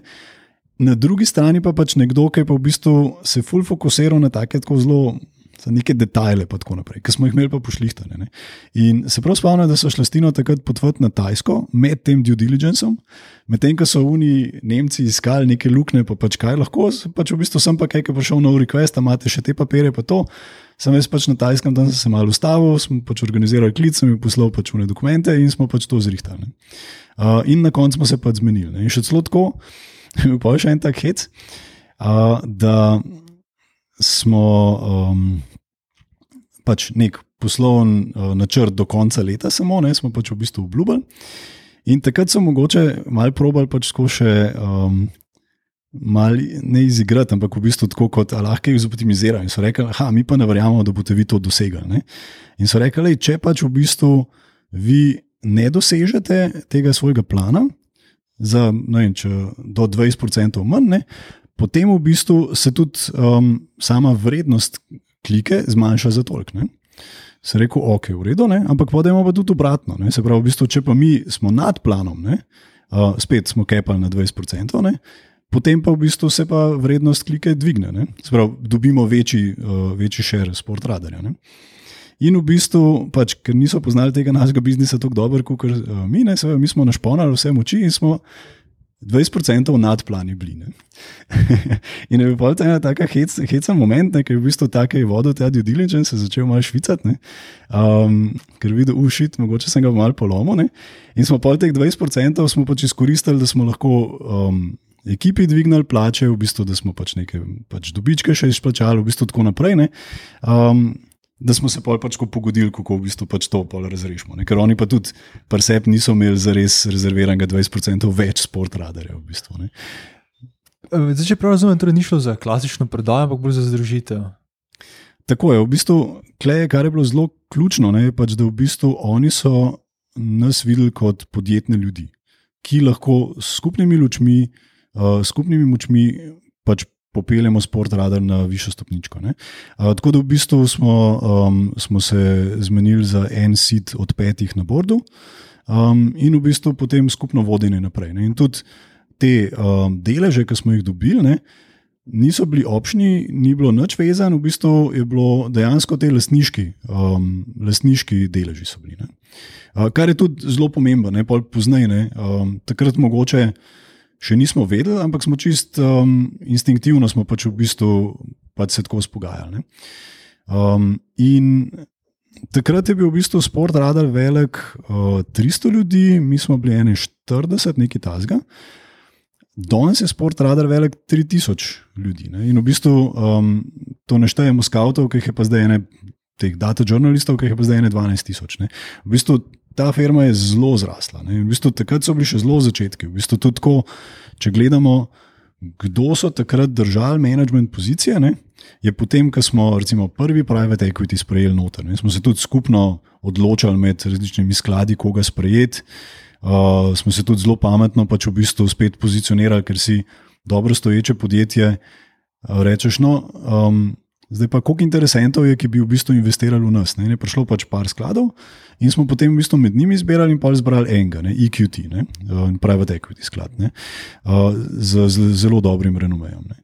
In pol tudi uh, in dve, tri leta pozneje je v bistvu večji EQT sklad odkupil uh, prvi EQT sklad in v bistvu še dodal um, še več kapitala v bistvu podjetja. In pol tudi pozneje, ko smo v bistvu delali to tranzicijo v Ameriko. Ne? Um, smo v bistvu potem še sprejeli investicijo od uh, Marka Kubana, od Michaela Jordana in od uh, Teda Leonzisa. Um, čeprav nismo rabili za res um, nekega kapitala, nekaj v bistvu samo podjetje, v bistvu dosti dober. Um, Dobro je, da imamo, in v bistvu smo to vedno pač lepo investirali pač nazaj noter v, v poslovanje. Um, smo videli, da če hočemo pa ameriški trg um, zelo dobro napast, Pa ne smemo biti tam neka evropejska, švicarska um, firma, ne, ampak moramo v bistvu malo bolj ameriški izpasti. In v bistvu tudi pogoj um, s temi tremi je bil, da nam oni odprejo vrata do teh raznih federacij, zato smo se pa lahko v bistvu. Um, Mi neko, neko drugo podjetje, Stats, ki je v bistvu največji ameriški um, uh, ponudnik športnih podatkov, in je bil takrat, pa seveda, naraven partner, večleten partner, da smo v bistvu mi dejansko njih izrinili in uh, prišli noter. Najprej NFL, pol NBA, pol um, NHL in v bistvu tako ostale, v bistvu vse športe. Ne. Kako pa izpadeš bolj ameriško? Uh, ja, na en način tako, ne, da pač v bistvu sprejmeš investicijo ameriških investorjev, ne, ki se potem v tvojem imenu pogovarjajo. Uh, po drugi strani, seveda, moraš tudi nek večji operation spol tam zgraditi. Um, kupili smo tudi, um, najprej smo v bistvu hoteli kupiti Stac kot pač tega glavnega igralca. Tam nam ni uspel, ker je en drug private equity pač v last minute um, nas overbidu, bomo tako rekli, brez due diligence in tako naprej. Um, in smo rekli, da moramo pač strategijo malo spremeniti. Ne? In takrat smo šli potem na ta partnership in kupili smo, recimo, tretjega največjega ponudnika športnih podatkov, in to je bil poln naš operation za Ameriko. Um, sam sport radar je v bistvu zelo rastel tako, ali da je pač kupil neka podjetja, to so recimo, ne vem angliški ponudnik športnih podatkov, ko so se fokusirali bolj na te, recimo, temu left driving sports. Ne. Uh, smo temu heco rekli, so snooker, darts, rugby. Um, in pa recimo vem, tudi na, na Filipinih smo kupili enega operaterja in se pač skoči um, na tak način zrasteš. Po drugi strani ne, smo pa recimo za, za um, uh, Južno Ameriko ne, smo se odločili, da v bistvu bomo pa sami začeli operacijo postavljati. Ne, in pač spet pa v bistvu se, se odločiš, glede pač na, na vsak posamičen trg. Um, ali boš kupil, ali boš pa pač um, sam začel pač graditi v bistvu tisto operacijo. Še kaj mi je zanimivo? Um, čeprav razumem, v kliki niste delali samo športnih zadev, ampak ste pač tehnologijo upravljali v zelo različne namene, različne industrije in panoge. Na kak način ste, torej zakaj ste se odločili, da se boste sedaj posvetili samo športu? Na kak način si to predstavljal s zaposlenim? Še je bil tudi kak, uh, bilo kako nezadovoljstvo med zaposlenimi, ok, zdaj pa se bomo ukvarjali samo z eno stvarjo, prej pa smo pač bili agencija in smo delali več stvari. Um, ne, niti ne, mislim, da smo zgleda, znali predstaviti na tak zanimiv način. Mogoče najbolj je bilo, pravi, ta faza, ko se še dogovarjaš. Ne, ki v bistvu mogoče, da kdo od zaposlenih že čuti, da se nekaj dogaja, ti pa še ne moreš jih čisto točno povedati. Ne, To, to je v bistvu pač tiskaj najbolj občutljiv. Ne. Samo pol pa ni problema, ne. kar sem se pripeljal s svojim Ferrariom v Ljubljano in je pač v bistvu naredil svojo predstavo, ne, v bistvu, kaj je sport radar in so bili pač vsi zelo navdušeni. Um, tako da, oziroma ne, takrat ni, ni pripeljal Ferrari, zaradi tega, ker mu njegovo zavarovanje ni krilo Slovenije, tako da je mogel en drug avto vzeti podobno hudno. Ampak ja. um, tako, no, uh, bottom line je pač, vsi so bili zadovoljni in pač, um, so vzeli to kot, um, kot tako zanimivo naslednjo fazo. Uh, Pol mogoče edin, bila je neka ta tranzicija, ne, kjer v bistvu. Zdaj, mi ne, smo seveda rekli, gremo zdaj v bistvu vse moči čim prej pač v sport radar vršiti. Ampak po drugi strani bi pa še vedno mal prešer, kaj pa če bi še vedno v bistvu za agency delom še mal služili pač vitam darja, ne, pa, um, pa pa še vedno nadaljevali. Sam to ni dobro. Um, vse te zadeve, ki se ti neki napolne. Tudi recimo njihov prvi predlog je, da bi nas oni kupili samo polovico, pa pol še četrt, pa pol še četrt. Ne. Take stvari jaz vedno odsvetujem. Ne. V bistvu rečeš, le, kaj je tisti končen cilj. In gremo to že zdaj narediti, in se gremo že zdaj alajnati, ker pa lahko se samo ustreliš v kolen. Ne? In tukaj podobno, ne? smo v bistvu na koncu uh, naredili en tak trik, da smo se pravi za nek plan smo se določili, kaj naj bi ta uh, servis zdel, uh, koliko naj bi delo. In pol to, kar smo mi delali nad planom, sem rekel, lej, kaj pa če bi mi ta denar, ki ga smo ga zdaj ekstra zaslužili, A ga zdaj lahko investiramo, da v bistvu še več resursov vržemo v sport radar. Ne? In klej pa še ta ideja, ne? to bi še lahko delali. Ne? In smo v bistvu tako pač probali biti čim bolj ta innovation lab, da pa v bistvu čez par let ne, uh, smo dejansko pač. Um, Tudi vse te stare zveste stranke smo lepo tranzicionirali in v bistvu na koncu pač uh, prešli čisto v, bistvu v 100% sport radar operacijo. Ne. Nam je bilo to v bistvu seveda bolj zanimivo, bolj smo bili tudi motivirani z tega stališča. Videli smo pač, da je sam sport radar zelo dobro rastel. Um, tako da se ti pa v bistvu niti vidiš, da nima več smisla, pa se v bistvu s tistim servisom z delom, ki je dosto ukvarjati. Razen, če bi ga pa seveda obrnil spet na šport. Ne. Vsi smo začeli pač razmišljati bolj o športu in um, uh, čez prizmo v bistvu nekega ponudnika športnih podatkov in kako lahko v bistvu te športne podatke čim bolj monetiziraš. Ne. Zdaj, hoteli smo se pa v bistvu čim bolj um, pozicionirati kot nek tak innovation lab, ne, pa znotraj sportradarja. Se pravi, v bistvu uh, sportradar zgodovinsko je imel zaradi dveh co-founderjev pač, uh, na norveškem razvoju. Um, in v bistvu takrat na začetku so bili oni tisti večji razvojni center. In počasno je v bistvu v Ljubljani rastel, tako zdaj je to že 140 uh, zaposlenih le v Ljubljani, uh, je v bistvu rado ta največji um, del RD-ja. Um, in smo v bistvu pol delali tako, da smo pač prečasavali različne, različne ideje, kaj lahko še predlagamo, in v bistvu pač tiste stvari, ki smo se pač lotili, um, smo v bistvu pač seveda čim boljš oddelali. Um, in so pa tukaj recimo tako zanimive zgodbe, ne? kako so razni produkti, pa tudi recimo taki kiksi, ki sem jih recimo prej omenil. Um, ko najprej pač, ko moraš pač res vprašati, zakaj se kaj uporablja, pa kakšen je namen nečesa. Ne? Uh, je bil recimo, ko smo kupili uh, tega angliškega uh, data providerja. Ne? In oni, ena od stvari, ki so pokrivali, je bil snooker. Ne? In tam so rekli, mi imamo problem, um, da bi se dal, da bi optical recognition delali nad temi um, kuglami, uh, da bi pa lahko v bistvu pač pozicije točno vedel in bi to pač pošiljal naprej. Ne? Sveda, ne, za nas je bilo to, oh, super, da best, ne, gremo to narediti. Um, tako je pač zorganiziral enega inženirja, da vzame en teden gor in rekel, da je naredil nared pač test, da vidimo, koliko delč lahko pridemo v enem tednu. In je prišel tam do ene 95% uh, success rate. Ne. Kar je pač, mi smo bili zadovoljni, pokažemo in oni pa, ok, super, ne, ampak ali zdaj to stone. Um, se rekel, ok, vse lahko pridemo blizu to, ampak tukaj pač v bistvu se pa. Um, količina eforta, ki ga je treba v to vložiti, pa v bistvu pa um, eksponencialno pač narašča. Ne? In dejansko, dajte mi vi povedati, zakaj točno boste vi to uporabljali. In pa mi povejo, ne? da v bistvu imajo tam na drugi strani traderja, ki bo pač gledal uh, te pozicije, ki se mu bojo pač narisale, in bo on se pa odločil, glede na pozicije Google, a mora pač stavne razmere kaj spremeniti ali ne. ne? Se pravi, ključen podatek. Ne? Aha, ok, ne, zato vi rabite 100%, ne? zdaj razumem. Ampak, veš, pol spet vidiš, da v bistvu, ker so oni že sami prišli z nekim solušnom, je to ful na robe, ne? bolj začeti s tem, ne? kaj hoče sploh narediti. In pa smo se pač. Um, Šli en korak nazaj, se je rekel, kaj pa če bi mi naredili tako, ne?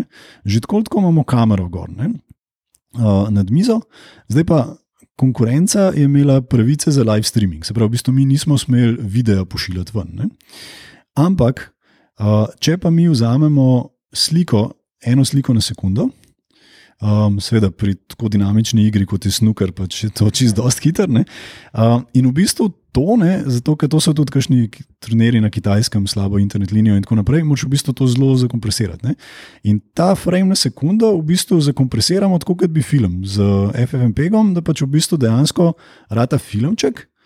In v bistvu on sam del to pač vzame noter. Ne? In to smo prišli noter do res, res mehkih potreb po, po bandvitu. Um, in to pošiljali pač naprej. In je direkt v bistvu v browserju ta trader videl pol te slike, kako so se mu pač pojavljale. Ampak, ker si gledal tisto eno na sekundo, pa to izgleda kot video. Ne? In v bistvu je bilo super. Smisel so pa še celo, poleg tega, da so traderjem, so še celo upsellali to še kot v bistvu še nek dodaten produkt, ne? um, ker je v bistvu to dobro rešil. Ampak je spet, ne? v bistvu en teden je bil tisti zgrešen eksperiment, pa pol en teden v bistvu ta drug, ki smo malo bolj vedni, si v dveh tednih, pa je, bilo, pa je bil nov produkt. Um, in je bil spet v bistvu ena taka, ki pa nazaj gledaš. Ne? Zakaj je razumevanje problema tako pomembno. Ne? Zato, ker je pač lahko solution čist, čist, čist drugačen. Ja, ja. Do tega procesa se še vrnemo. V bistvu ena stvar me še fulj zanima, glede tega prodajnega procesa, ko si prej omenjal. Torej, nisi bil samo del uh, tega prodajnega procesa za kliko, ampak tudi potem pri ostalih. Ne? Due diligence za uh, ostala podjetja, ki ste jih kot sport radar hteli kupiti ali pa se z njimi združiti. Zanima me, kaj so najpogostejše stvari, ki so se odvrnile od nakupa. Oziroma, če drugače vprašam, če bi jaz bil tisti, ki bi želel prodati podjetje, ne, na kaj moraš paziti, predvsem že v osnovni fazi, ko zaštartaš podjetje, da imaš urejeno, da potem si bolj privlačna tarča za nakup. Hmm. Um, ja, se pravi. Tukaj lahko rečem, da sem dobil prve izkušnje investiranja. Se pravi, v bistvu že par mesecev po tem, ko smo ratali del skupine, tudi uradno, uh, sem bil že del pač prvega due diligence. Ne? In v bistvu, kar vidiš, je, Zdaj, eno, enim rečem pač vem, tipu podjetij ranjene antilope.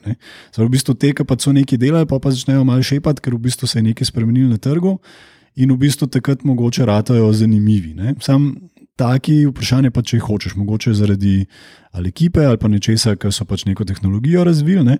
Um, to je pač en tip. Ne. Drugi so v bistvu kakšni startupi, ki so prišli do nas, ne, um, ki so v bistvu čist. Um, Se pravi, še vedno stari ICE, kako bojo oni pač športnimi podatki, je ta nader live score app naredil ali pa v bistvu še nekaj tazga, tega je bilo zelo veliko. Ne. Tukaj v bistvu pač zato, ker si ti v centru tega marketa, predvsej bolj razumeš, predvsej bolj veš, kaj se je pač že izprobal, kaj se ni. Spet ni nujno, da pač ti ne bo ratal, če je pač že nekaj nekdo naredil, še ni nujno, da pač ti ne bo ratal, sam je pa full, full manjša verjetnost. Ne. In v bistvu smo pa vedno gledali, ali je tak poslovni model, ki ga oni pač predlagajo, smiselen. Ne.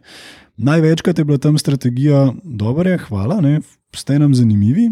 Dajmo se slišati čez četrt leta, pa se pa spet slišimo čez naslednje četrt leta, pa da vidimo, kako vi sledite temu planu. In zelo verjetno, pač takrat se je večinoma to zgodilo, ne, da v bistvu oni so pač zelo agresiven poslovni plan dali na mizo in seveda mu niso mogli slediti. Ne. In pa tudi v bistvu se lahko začneš malo bolj konkretno pogovarjati o tistih assumptionih, ali so bile te prave ali ne, ali to še vedno drži in tako naprej.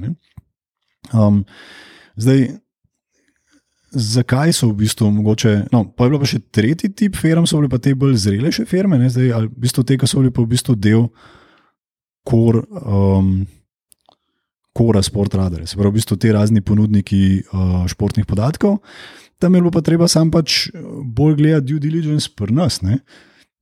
Ali je smiselno rugby dodati k našemu portfoliju, ne? ali so bookmakeri zainteresirani za ta tip ne? podatkov, ali um, je operations tak, da, v bistvu, da lahko zagotavlja tako kvaliteto, kot jo Sport Radar zagotavlja. In tako naprej. Ne? Tako tam pa gledaš v bistvu na drugačno. Ne? Ampak zdaj, če, če je mogoče, taka je najbolj klasičen, ne, v bistvu se pravi nek startup, ki v bistvu pravča neko večje podjetje, kot je recimo Sportradar. Um, ponavadi pravčajo zaradi um, dostopa do podatkov um, in do dostopa do trga, do bookmakerjev, do medijskih firm. Um, in tako naprej. Ne? In v bistvu pač vidijo Sportradar kot prodajni kanal. Pravi, idealno je, če pač ti že lahko traction pokažeš že prej, brez Sportradarja in pokažeš, da si močen. Ne? Um, in si takrat v ful boljši pogajalski poziciji, kot pa če bi pač rekel, da ja, zdaj nam je skoraj zmanjkalo financiranja, rabimo tole rundo, pa nam bo parata.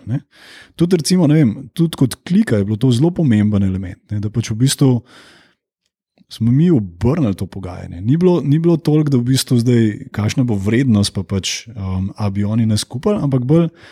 A bi se mi sploh prodali vam? Se pravi, dajte nam vi zdaj en razlog, zakaj bi mi se zdaj pridružujemo Sport Radarju. Ne? In to je fulj pomembno, da v bistvu dosežeš pač neko tako dobro evaluacijo, ali pa da se na dober način v bistvu um, zmeniš. Menjam se tudi, da so te, ko si bil na potovanju po Tajskem, uh, da so ti pošiljali e-maile, hej, pošilj nam še ta dokument, pa ta dokument. Kaj so bili ti dokumenti, ki so jih zahtevali oziroma želeli? Mislim, ponovadi pri pr due diligence pač greš gledati te klasične rizike. Ne? Zdaj, ali je, zdaj recimo, pri nas, kar je, je pač v bistvu, pravi, koliko ljudi sploh imamo, kakšne pogodbe so, a so kakšni skriti dogovori glede plač, ne? se pravi, da ne bo zdaj glih. Takoj, ko bomo podpisali pogodbe, da bojo plače šle gor, ne? te zadeve se moš pol poznati, nažalost, vse zmed, niso več v rokah lesnikov. Ne? In njih zelo skrbi, da pač v bistvu imaš ti kakšen skrit dogovor z zaposlenimi, da če ko bo prodaja, ne, da bojo pa te plače šle pa gor. Uh, mi seveda tega nismo imeli. Um, drugo je pa v bistvu, če so kakšni IP um, odprte zadeve, ne, se pravi pri kakšnih naših produktih, tehnologijah, če je pač tam vse v redu, če so kakšni riziki od kakšnih starih strank, um, take stvari. No. Tako da v bistvu. Pri nas edino, kar so najdel, da je bilo pač pod vprašanjem, je ali zato, ker pač um, change of control. Ne. Leta nazaj smo v bistvu pač nekaj nepovratna sredstva dobili za, nekaj, za nek razpis, ali bomo mogli ti zvrniti. In smo v bistvu pač nek del kupnine dali v escrow, pač mi smo bili sigurni, da pač v bistvu ne bo problem s tem, ampak smo rekli, da rekli jim damo pač nekaj za grid sklet, da, da bojo pol pač se tega držali, pa, pa imeli občutek, da bojo pač nekaj najdeli, ne.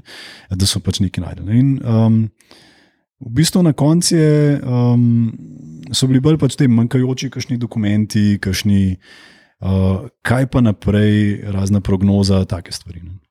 To si prej omenil, tudi te agresivne poslovne načrte. Je boljše, ko se pogajaš uh, za prodajo podjetja, imeti agresiven uh, poslovni načrt, ker ti mogoče da trenutno višjo valuacijo, ali je boljše biti realen, ker če te potem nekdo testira, pa reče, ej, čez pol leta se vrni, da imaš pač dejansko tiste rezultate, ki, si, ki so realni in da si, da si jih dosegel. Ne? Ja, mislim, tukaj, zdaj, odvisno koga ima, seveda na drugi strani. Ne? Ampak, če je izkušen, to ni vprašanje, če ne. Seveda bo prišlo to nazaj. Ne? Zdaj, ali v obliki tega, da pač bo nekdo počakal, ker tako v bistvu te pogovori ponovadi trajajo nekaj časa. Ne? Um, ali pa drugo, ne, da v bistvu bojo obesili nekaj, ne vem, bo rekel, ok, če ti zadaneš to valuacijo, pol tvoja, uh, svoj plan, pol ta valuacija drži. Uh, če pa ne, ne, se ti bo pa v bistvu pač ta valuacija znižvala. Ne, in v bistvu imaš različne mehanizme, kako ti lahko um, odkupuješ pač deleže od lesnikov ali pa pač v bistvu jim manjšaš.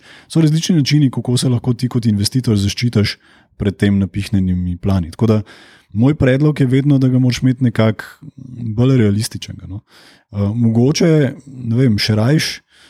Um, Da pač ti presenetiš, pa v bistvu overexecutiš. Da pač dejansko je ti tvoj rezultat precej, precej boljši kot pa to, kar si obljubil.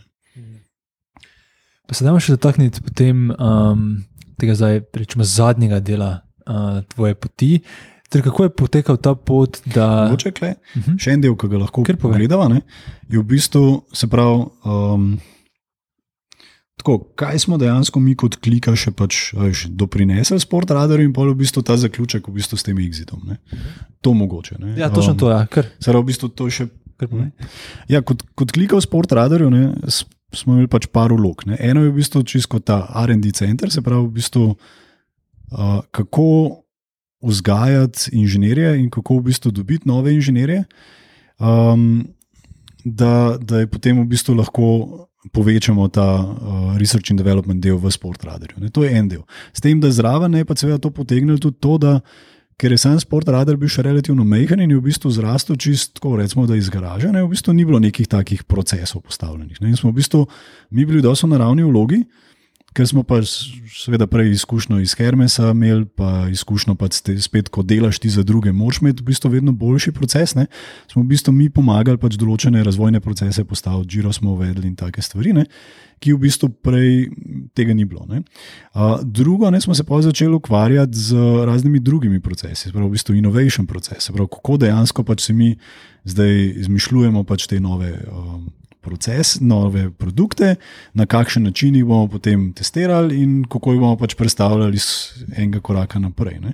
Um, tako da tukaj je bilo kar nekaj dela, ne, v bistvu pomoč sam, sama pri pač tem skaliranju. Uh, Uh, pol, seveda, ta del, ki je bil um, bolj se pravi ta due diligence del, se pravi, v bistvu, da se pač tudi mi uklapljamo v ta del inovationa, ki išče uh, partnershipe v tujini, ne, uh, v izven podjetja, uh, kjer lahko v bistvu pač dejansko ti rečeš, ok, ne, s tem podjetjem bi se bilo pa smiselno. Um, Uh, Spartnerati, zato ker lahko skupaj pa to, pa to naredimo. Um, ta del exploration. Ne? In pa v bistvu um, ne, ena strategija, ki je bila meni zelo blizu in v bistvu pač smo jo porivali z Ljubljane, da, da sport radarji v bistvu dolgoročno spremenimo poslovni model. Uh, se pravi, včasih ne, je sport radar pač samo. Nabiral podatke in pol to zapakiral, in omogočil bookmakerjem, da so oni skopirali te podatke k sebi, in potem imeli svojo bazo, in ne veš, kaj so točno delali s tem. Ne, uh, ne veš niti, koliko uporabnikom, koliko denarja služijo s tem, nič ne veš. Ne. In smo potem šli iz tega ne, do, se pravi, naslednji korak uh, po veljučajnu, da pač v bistvu ti. Uh, že stalno razmerje v bistvu za njega kalkuliraš. Ne? Se pravi, bookmaker tukaj se lahko znebi tam do med 20 do 50 raznih kvantov. Uh, to je v bistvu neka vloga, ki um, ki definira te matematične modele, te statistične modele, uh, ki ti potem v bistvu izračunavajo um, ta stavna razmerja. Ne? In zdaj v tem primeru ni bilo treba, um, so v bistvu lahko vzeli pač tega nažga. Um, in potem zadnji korak ne, je pa v bistvu to, smo razmišljali, kako lahko pridemo. Um, Tako da smo mi del transakcije. Recimo, ne. in smo začeli po eni strani z raznimi vizualizacijami, zdaj da so to mobilne aplikacije, so to v bistvu neke spletne aplikacije, widgeti, kjer v bistvu ti se embediš v um, Bookmakerjev website in v bistvu vidiš, koliko ima on strank, kaj te stranke zanima. Zato takrat dejansko ti že začneš sploh se lahko ukvarjati s tem, kaj je pomembno v tvojem produktu in kaj ne. ne? Ker prej v bistvu nisem imel tega pogleda. Ne? In ta zadnjo, kar je bilo zelo pomembno, ne, je pa ta risk management, kjer v bistvu zdaj ne. Um, Športna stavnica, če se odloči za ta produkt, ne rabi um, te ekipe risk managerjev, traderjev in v bistvu za vsako stavo vpraša Sportradar. In Sportradar potem potrdi, ja, mi mislimo, da je v redu ali pa ne. In v bistvu potem se pač bookmaker se mora pač odločiti, da sprejme ali ne. ne. Ampak večinoma se pa seveda je to avtomatski proces. Um, zaradi licence in zaradi drugih stvari je pač to zelo pomembno, da je pač tako narejen. Kaj pa to potegne za sabo? Ne? Prvič, seveda, dobro, tehnično je čisto integracija, je lažja, poznaj ne vseh novih produktov, ampak še bolj pomembno je pa to, da v bistvu ti veš, kako dobro en bookmaker dela. In lahko takrat obrneš poslovni model, ne, da mu rečeš, le, ne bomo zdaj sliceali podajsal teh naših uh, podatkov, ampak ti mi damo vse. Ne samo podatke, še vizualizacijo, vse urodja, ki jih imamo. Um, in ti probi čim več, čim bolj uspešen biti na trgu. In mi si potem delimo promet iz tega. Ne. In to je v bistvu ta, uh, ta produkt, ki smo ga razvili v Ljubljani, ki se imenuje MTS. Seveda je pač trajalo nekaj časa, da je pač v bistvu se to, um, da so prve stranke pač začele to uporabljati, pa druge, ker je bilo skoraj da heretično razmišljati, da pač bodo tako začeli delati. Ne. Ampak zdaj, ne, in pol tudi, ko se je Amerika odprla, je pa to blazno dober produkt. Ne? In v bistvu, če pogledamo, um, če pogledamo zdaj Sport Radar kot biznis, kot recimo lansko leto, um, ko, je, uh, ko so se športne stave postale legalne v Ameriki. Je bil ta trend, in ta trend so se pa začele razne športne stavnice odpirati v Ameriki, ki pa niso imele, recimo, te bookmaking zgodovine. Ne? In so v bistvu rabile čim bolj out of the box rešitev. Ne? In v bistvu tukaj je bil ta produkt idealen. Um, In je začel blazno rast, in seveda s tem raznim, s, tem, uh, s to obljubo, ne, da pač tam je pa še velik potencial enega čist novega velskega trga, uh, je v bistvu seveda tudi pomagal, da smo lahko mi potem naše deleže v Sportradarju prodali po valuaciji 2,4 milijarde dolarjev. Ne. Vaše misliš, um, vi, ki ste bili prej lastniki v kliki ali vsi lastniki Sportradarja? Uh, v bistvu mi, ki smo bili v kliki in tudi še nekateri. Um, v managementu, nekateri v bistvu tudi ti um, co-founderji, še te stari, in pa v bistvu uh, ta EQT, ne, ki je v bistvu ta private equity fund. Ne. Mhm. Oni so v bistvu drivali um, to prodajo. Um, in mi smo se samo alignali z njimi in rekli, da kar koli je dobro za EQT, je dobro tudi za nas. Ne. In v bistvu pa na ta način prodali deleže. Uh, zdaj, uh, vstopil je pa noter, zdaj se pravi, pa nova faza. Ne ki je pa zdaj definitivno bolj ameriško obarvana, je pa zdaj na mestu EQT-ja, zdaj vstopil noter pa uh, Canadian Pension Fund, um, ki so seveda tudi videli pač priložnost v tem in se zdaj trudijo, da bojo pač zdaj naslednji multiplier naredili iz tega. Ne? Te zgodbe mi je fulj zanimiva ta sprememba poslovnega modela, ker se mi zdi, da je izjemno zahtevna z vidika trga. Ne? Da dosti produktov se začne z nekim poslovnim modelom, ki je pač najlažji za financiranje a pa tudi, ki je najbolj razumljiv strankam, kot bi v vašem primeru pač prodaja podatkov. Pika. Po enem času pa ugotoviš, da je nek drug poslovni model, ki bi se ful bolj smiseln, ne samo za stranko, ampak tudi za podjetje. Ne. Ampak je ta, ta, ta preskok je ful težek narediti, ravno zaradi tega, ker stranke niso navajene in po defaultu reče, stranke reče vedno ne, kot pa ja ne. Zanima me, na kak način ste uspeli narediti to tranzicijo v industriji. Ali da ste imeli neko posebno strategijo, taktiko, da ste najprej se lotili določenih zelo novih trgov ali pa nenavadnih stran, ki ste potem počasi šli do ostalih? Ali, ali Zdaj, druga, ja? Ja, mogoče ti odgovorim to vprašanje še z nekim dodatkom. Ne. Kar je presenetljivo, ne, je pač v bistvu, da seveda, ko pač podjetje zraste, ne, um, uh, dobi tudi neke, kako bi rekel, lastne bremze. Um, in v bistvu bi rekel, da um, veliko challengeov je bilo zelo internih. Sprav, v bistvu, ali je smiselno ta produkt delati, pravi ta ekipa, ki je delala prejšnji produkt, ki so v bistvu kopirali podatke. So rekli, dobro, ampak zdaj bomo mi te podatke fulc najdal, lahko bi jih prodali za fulc več denarja zdaj, ne? Kaj pa, če oni ne bodo tako dobro delali, ne? se pravi, klej se gre za pač nek profit sharing, ne? Se pravi, ali, ali se mi zdaj spodjedamo ali ne, ne. In bo treba v bistvu najprej to razrešiti, ne? da v bistvu ne, it's ok. Ne? Um, in um, bi rekel, da na trgu samem je bilo lažje, sploh ker se pač v bistvu um, v, v tem času se je recimo. Afrika tudi zelo odpirala. In v bistvu, takrat se pač v bistvu je zelo veliko teh afriških bookmakerjev pojavilo in za njih je bilo to spet super. Pravi, za te nove operacije je bilo to no-brainer.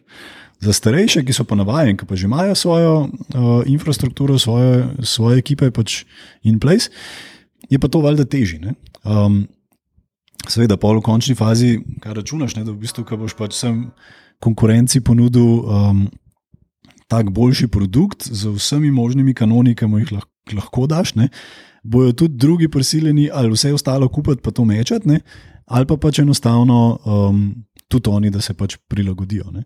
Um, ker klej je heca, ne, da v bistvu ti stavna razmerja. Seveda, z večjo knjigo imaš, ne pravi, več, ko imaš stav, bolj boš lahko šel v bistvu agresivno uh, stavna razmerja pač postavljati. Ne. Če si nek manjši bookmaker, pa da je na nekih obskurnih mečih, tam v bistvu so stavna razmerja najbolj tako, volatilna. Uh, tam, kjer je pa več prometa, ne, pa v bistvu tega ni. Ne. In v bistvu, če ti to pulaš, ne, uh, v bistvu vsem tem tvojim bookmakerjem en tak nenormalen edge daš, ne, kar v bistvu mogoče tudi ostale pol prisil, da se začnejo pač podobno obnašati. Ne. Ampak traja nekaj časa. Ne. Plus, seveda, ne, na drugi strani je pa to, ne, da v bistvu zdaj kar naenkrat ne uh, ima sport radar v pogled v točno kateri meči, koliko denarja je šlo na njih, koliko je zanimanja, kakšne so stave, ker stave imaš lahko take mehne, lahko imaš v bistvu. Take, ki imaš v bistvu VIP-ovci, stavijo na njih, ki v bistvu ti stavijo milijon na en outcome, ne, recimo, ne, in jih moč pač posebej handlati. Um, ali imaš pa v bistvu te, recimo, loto ali pa jackpot stave, ne, ki v bistvu stavijo na deset mečev naenkrat, pa vse na določen outcome, ne pa računa, da bo pač tukaj iz enega evra naredil milijon. Ne. Vse je možno, ne, ampak pač. Uh, probability ni prav visok. Um, in v bistvu to je ful pomemben, ne? ker pa v bistvu kar naenkrat imaš ti kot sport radar ful več uvida v market in lahko pol se pač ful boljš odločaš uh, z, z naslednjimi produkti. Tu pridemo spet do tistega procesa, ne, da imaš razumevanje res tistega uh, osnovnega problema, da razumeš stranko, da veš, kaj je njihova težava, ker potem lahko tudi produkt narediš uh, boljši. Hmm. Zdaj, pa, če gremo torej to tranzicijo, kako izgleda tvoja tranzicija od sportradarja pa potem do tega, kar počneš danes, Curiosity in Silicon Gardens? Ja, jaz sem si najprej vzel nekaj časa um, off. Um, se še zdaj ne bi rekel, da pa če zdaj ta čas še vedno ni mem. Um, ampak v bistvu pač veliko smo začeli potovati, sploh je v bistvu um, hčerka bila pred šolo. Uh, in smo imeli pač par let, v bistvu, ki lahko malo več potujemo. Ne? To, um, in v zadju se mi pa skozi nekako. Um, porajala neka ideja oziroma neka želja, ko pa sem um, razmišljal, kaj bi zdaj počel. Ne? Ker v bistvu načeloma delati mi bi bilo treba nič, ne? ampak v bistvu kaj pa tisto, kar me veseli. Ne? In pa se pa začneš zelo ukvarjati sam s sabo, ne? kaj pa tisto, so kaj so te momenti, kjer si bil super zadovoljen in česa bi rad več. Ne? In se vedno vračal v to, ne? pač v vseh teh treh zgodbah, ne? do tega se pravi, enega dela od nič do ena, ki je meni zelo zanimiv. Ne, se pravi, v bistvu, ko dejansko prideš do nekih zanimivih rešitev in jih pač testiraš na trgu, in, in ta del. Ne, to, um, in pa v bistvu, ali se da to nekako na drugačen način zapeljati. Ne. Tako da se prav spomnim, da sem bil tam na Borakaju, na um, Filipinih, um, bral eno knjigo in takrat mi je kapnil.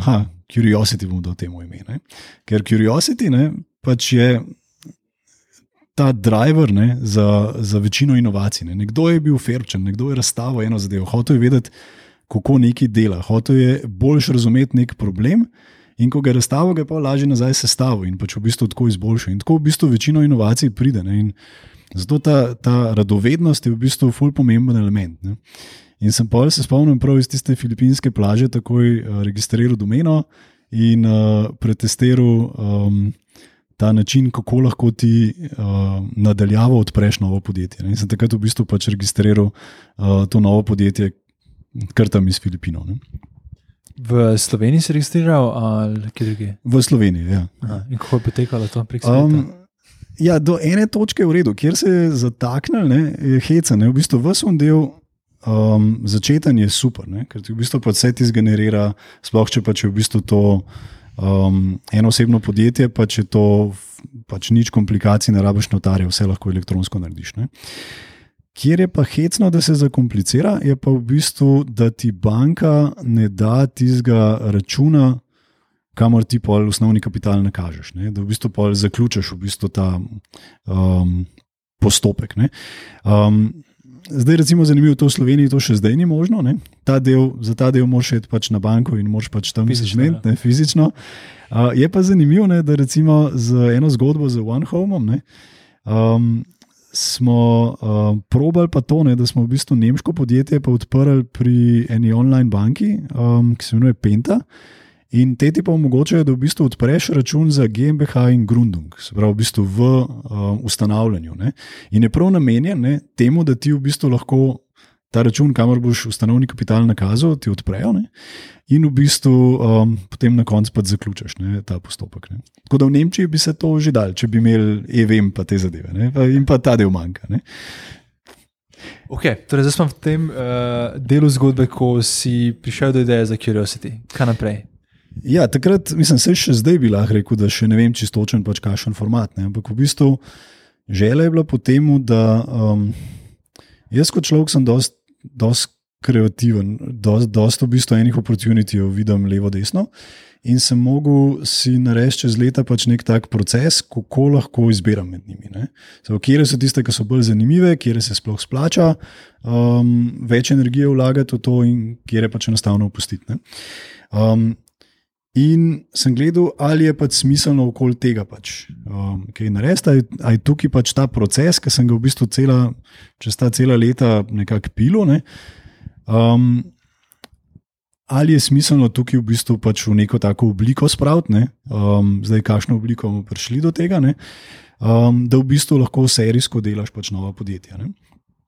Um, zdaj, kot vse ostale inovacije. Ne, sem pa hotel, da pač v bistvu probamo to tudi organsko. Se pravi, ne da pač zdaj jaz dam pač tukaj um, x denarja, um, zaposlim ekipo um, in začnemo nekaj delati, ker to bi bilo gulfanje. Ne?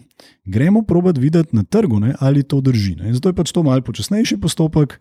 Vmes, uh, seveda, pač tudi zaradi tega, ker sem si vzel malo več časa, v bistvu vmes je bila tudi obnova stanovanja in kup še enih takih zadev.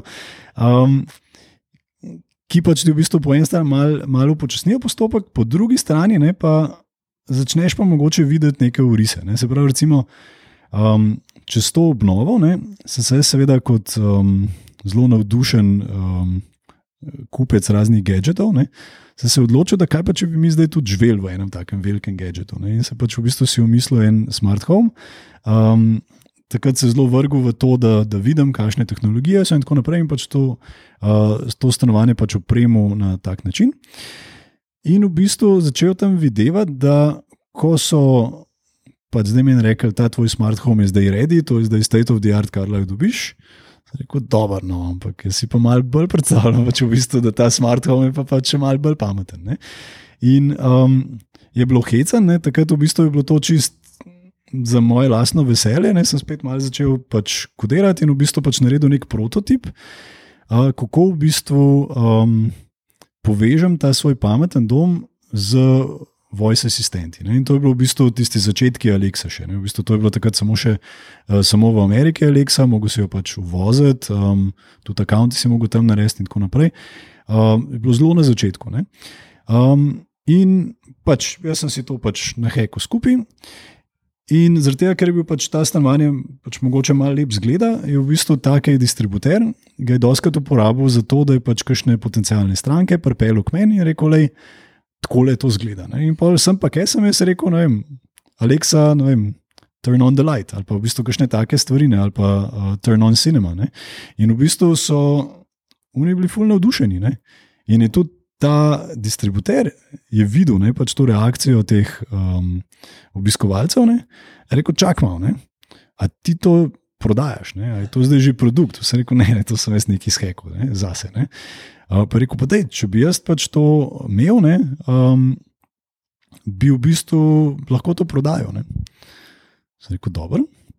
In čez en teden je dobil leaflet, pa ceno, in sem rekel, no, da je prodaj. Sem rekel, kaj si že fertik, ali to že narejen. Sem rekel, ne, sploh ne. Ampak, veš, pač ti najprej mi res probi prodati, ne?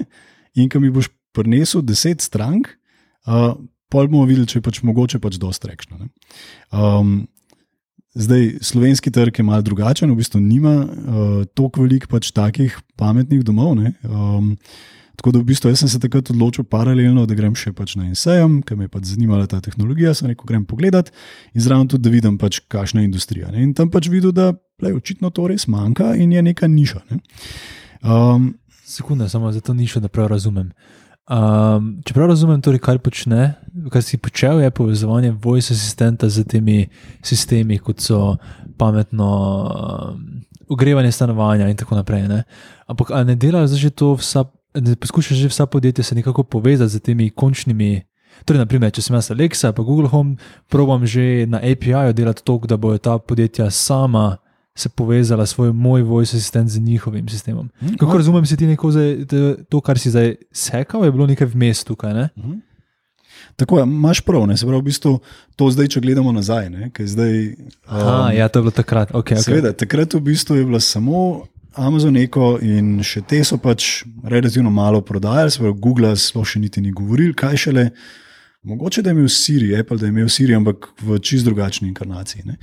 In v bistvu, um, seveda, jaz sem pač predvidel, da bo šel trg v to smer, ne? da v bistvu te modernejši gadgeti, da bojo, um, se pravi, te recimo temu rečemo IoT smart home da bo šel v to smer, ne? da pač bojo sami že proizvajalci to vključili. Ne?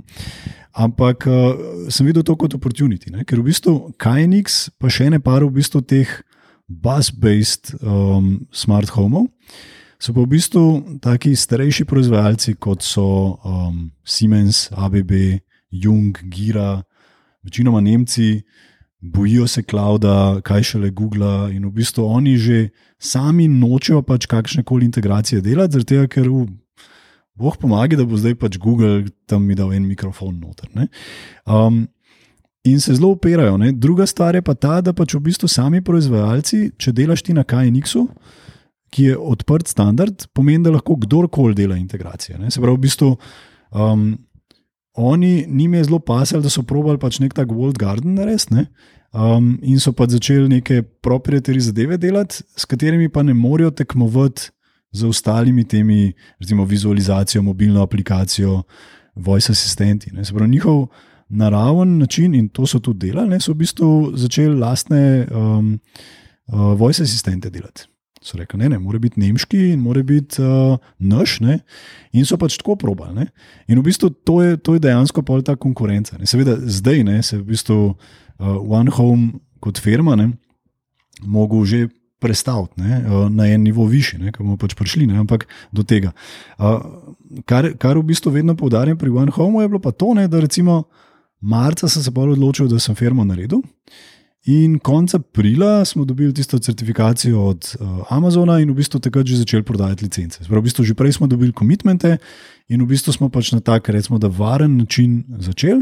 In potem, v bistvu, tudi ko je promet rastel, pa postopoma uh, dodajali ekipo. Uh, zdaj, zdaj, kaj pa zdaj Smart Home dela, ne, je pa v bistvu to, da se zgodi en tak hec, ne, ko ti povežeš en tak Kajnix, kot v bistvu nek tak World Garden um, v nek tak ekosistem, kot je Apple HomeKit ne, um, ali ostale. Ne. Je pa pomeni, da v bistvu zdaj kar naenkrat bo prvič ta lastnik lahko več stvari naredil sam. Sprav, kar naenkrat bo sam lahko rekel, da če bo pa ta senzor se sprožil, bom pa, uh, pa prižgito luč. Ne.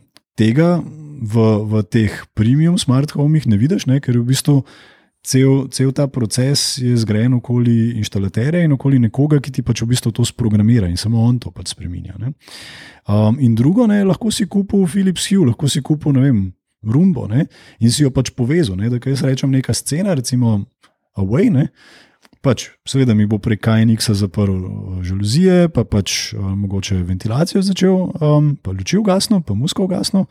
Uh, ampak zraven mi bo pa tudi preko Google integracije ali pa Apple integracije. Štarto pa še rumbo. Ne? In to so pa neke stvari, ne, kjer v bistvu spet ti probaš pojahati trg, ne? ker v bistvu tukaj uh, se ti pa lubesiš na inovacije drugih, In, in zdaj se glih odločamo, ne, ali je zdaj v bistvu ta, ta pravi čas, kjer probamo ta, um, te benefite, ne, um, ki jih pač ponesemo nekemu sistemu kot je KNX, da jih obrnemo v drugačen način. Rečemo, kaj pa če bi bil One Home kot brand, Smart Home brand, kjer v bistvu ti probaš um, online, direct to consumer prodajati. In v bistvu samo instalacijo in tako naprej tako poenostaviti, da v bistvu lahko tvoj električar naredi. Se pravi, ne kaj nek instalater, ampak v bistvu tvoj električar. Ne? In to je v bistvu nekaj, kar zdaj testiramo. Ne? Se pravi, nekaj, kar recimo že par let nazaj ne bi rekel, vse teh zadev se ne da prodajati. Prek neta. Zdaj bomo videli, se jih da ali ne. ne. Uh, to je zdaj pač ta test, ki ga zdaj delamo. Ne. Ampak tudi avto se pač par let nazaj ni dal prek avta kupiti, prek neta kupiti. Zdaj pa čisto normalno, da ti svoje Teslo kupiš um, prek browserja. Ja. Tema samo še to definirati, kakšna je zdaj povezava med uh, podjetjem Curiosity in med uh, to, kar si zdaj govoril, ta OneHome. Ja, zdaj Curiosity v tem um, je služil kot v bistvu neke vrste inkubator. Do ene točke, ki smo rekli, da je zdaj pa v bistvu je ta ekipa dovolj validirana, da jo lahko dejansko spin-offamo. In se pravi, pol je v bistvu ta OneHome ločeno podjetje, tudi čez ta proces validacije se zgodi tako ena hecna zadeva, ker se pač pogovarja s trgom, pogovarja se s temi, ki se pač že zdaj ukvarjajo s smart home. In če je, ekipa, če je ideja dobra, se ti začne kar nekaj ekipa sestavljati. In v bistvu tukaj potem lahko um, dejansko čez ta proces validacije, da je v bistvu tudi ekipo sestaviš in jo potem spin-offaš. In je potem uh, drug aspekt Curiosity, ki se imenuje Curiosity Ventures je pa v bistvu ta investicijski del, ki pa potem investira v taka podjetja. Ne. Zdaj, kaj bo zdaj ratal iz samega Curiosity, ali bo to zdaj sam kot hub, ali bo to zdaj ratal startup studio, ki je v bistvu tudi en tak. Zanimiv trend ratuje tam. Ne? Recimo, deset let nazaj je bilo samo ene par startup studijev, zdaj jih je že skoraj 200. Um, zdaj, meni je pomembno to, da to, kar delam, me veseli. Da v bistvu delam vedno v neki taki ekipi, kjer sem bil kot sem bil pač včasih navaden delati. Ne, se pravi, v bistvu, da imaš nek tak mentality, da se vse da narediti, da v bistvu vzameš nek problem in pa razmišljaš, pač na kakšen način bi se ga dal rešiti. Um, in seveda, pač, če vmes nam uspe pač neko tako dobro podjetje serijsko graditi, ne, super. Ne. Lahko pa na koncu rata tudi vem, šola za produkt menedžerje, ki je pač v bistvu spet nek tak segment, ki ga v bistvu nobena šola do zdaj ne išče, ne, ne kreira, uh, iščejo ga pa vsi. Ne? In trenutno je edini način, da ti dobiš dobrega produkt menedžerja, v bistvu je na ta način, da, um, da pač ga zaposliš v svoje podjetje, če imaš pač ti že dober kor, ga mentoriraš, mu daš konkretne probleme in v bistvu z njim delaš, da bo pač zrasel. Ne? Ni neke šole. Ne? In to je tudi v bistvu lahko nek tak side effect, da v bistvu ta dejansko uh, znanje, ki je fulj pomembno pri, um, pri startupih, pa tudi pri zrelejših podjetjih, ne, da v bistvu je tukaj lahko neka gojilnica tazga kadra. Ne. Bomo videli. Ne. Za ta Curiosity Hub, to je namenjeno bolj tvojim idejam, ki potem okrog katerih zgradiš ekipo in to potem postane spin-off, ali je to tudi namenjeno, naprimer, da se jaz prijavim z neko svojo idejo, pa se potem vidimo, če ima smisel, da je moja ideja, naprimer, inkubirana v, v, v tem hubu. Ne, je, je čisto odprto. Ne. Seveda je en, en koš idej, ne, ki se v bistvu počasi obdeluje. Um, ampak lahko tudi kdo drug pride um, in se pač v bistvu potem vključi uh, v ta proces. Ne, in potem nadaljujemo tako skupaj. Um, zanimivo je pa tudi to, ne, da včasih parata tudi. Recimo to, kar sem že prej omenil. Ne? Najboljše je pa, če ti iz nekih svojih bolečin izhajaš. Ne? In recimo, ne vem, če slučajno ena od investicij je pač ne vem, v nepremičnine na Hvaru, ki se v bistvu um, oddajo prek Airbnb. Ne? In ekipa skrbi za to, da pač v bistvu vse to teče. Um, in je bilo zanimivo, ne? ker v bistvu tam naenkrat sem bil ekspozen pač neki čist novi panogi. Ne? Sem pa začel to gledati, ok, zanimiva panoga. Ne? In pol seveda, svojimi očmi, ne pa kar naenkrat vidiš, da je ene 5-6 različnih idej, ki je v bistvu povezanih s tem področjem, ne, ki v bistvu jih potem lahko spet validiramo, ampak kul je pa to, ne, da imaš ti v bistvu že interne stranke. Lahko, Se pravi, v bistvu ti je ful lažje zaštartati, zato ker tisti tist, uh, proces, ta pain, v bistvu ful bolj razumeš. Ne. In kar se pa zgodi, kot recimo ne, tretji outcome tega. Ne, um, Je pa, da se štarta z neko lastno idejo. Recimo v tem primeru je bil, lahko kar konkretno povem, to smo prejšnji teden, je bil sprint uh, na to temo. Se pravi, kot ti Airbnb, pač ko ti recimo sprejmaš neke goste, jih moraš recimo na Hrvaškem prijaviti na e-visitor. V bistvu tukaj pa nas je iPS, v Španiji nekaj tretjega. In v bistvu ti ponavadi poslikaš, vsaj ki je bil do zdajšen proces, ne poslikaš te pasoše osebne, potem mora to nekdo doma pretipkati v browser in v bistvu to submitati. Ne? In je to tak painful proces. Ne? Zdaj, veliko ljudi je pač enostavno zadovoljnih s tem in pač živi s tem. Um, Zdaj, jaz sem pa že ta prvič, ko sem videl to, sem rekel, kam on. Kaj če bi naredili mobilno aplikacijo, OCR, um, prepoznavali ne, te dokumente in e-visitor ima en API in se lahko direkt povežemo. Gor. To je v bistvu dva tedna dela, max. Um, če pač nekaj tako na hitro hočemo narediti.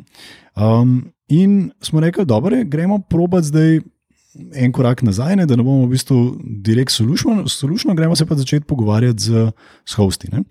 In smo začeli pogovarjati na Hrvaškem, pa v Sloveniji. In zanimivo, da smo prišli pač do ene ekipe, ki so uh, sami v turizmu, uh, pač upravljajo uh, pač kar nekaj svojih objektov. Uh, so v bistvu to hostli, kar pomeni, da je pač. Um, velik, velika frekvenca ne? in so v bistvu oni sami prišli že uh, malo prej do te same ideje in so začeli že na tem delati in so dali produkt na začetku leta ven. Um, Hecen je bila v bistvu ta motivacija, tudi ki mi je pač on razlagal, ne? da um, je ta, ki je glavni lastnik, ne? je dislektik. In v bistvu zaradi tega, ker je pač tam pretipkaval, se je včasih zmotil in rekel, da je ne bilo boljš to. In je pač v bistvu spet iz svojega pajna prišel ne? do tega. In um, ko sem preko teh intervjujev, ko smo v bistvu videli, da ta rešitev obstaja, sem rekel: super, gremo se spoznati. Ne. In smo se usedeli skupaj, super ekipa, ne, in um, smo se pač pogovarjali o tem, kaj smo pač mi najdel. Ki v bistvu so še neki oportuniti, kakšni drugi trgi. In v bistvu ta način, zbraj zdaj tukaj ne bo neka nova firma, ratala, vsaj ne z moje strani. Ne? Ampak lahko bo pa neko čisto drugačno sodelovanje. Lahko jaz investiram v njih, pa bojo pač oni to prav, naredili. Um, v bistvu lahko pol iz tega rata pa čisto v bistvu spet kot neka angelska investicija. Ne? Ampak srečaš pa v bistvu neke take ekipe, tudi tako, da pač iščeš pač neko rešitev za nek svoj pen. Ja, ja. Torej, ta pen je zelo pomemben za, za proces. Uh, in to si že tudi na začetku najnega pogovora rekel, da sem o tem procesu še malo pogovorila. Pa tudi pred uh, samim snemanjem si povedal, da ena izmed glavnih stvari, ki jih poskušaš tu v Curiosity, uh, spostaviti ta nek proces za štartanje idej, štartanje podjetij. Te lahko zdaj deliš z nami, dokot, dokot, kako izgleda ta proces, dokot si ga uspel dizajnirati. Uh, mislim, da te procesi so že, bom rekel, večkrat uh, dokumentirani. Pa večkrat pravim, zaradi tega, ker so v bistvu pač različne metodologije, ki v bistvu zelo podobni zadevam, pa sam drugače rečejo. Uh, je to zdaj design thinking, ali je to pač uh, nek lean proces. Um, tega je nebroj. Ne? In v bistvu, bolj kar vidim, je, da ne manjka nekih knjig, pa nekih procesov. Ne? Manjka samo v bistvu neka disciplina, da se pač tega držiš.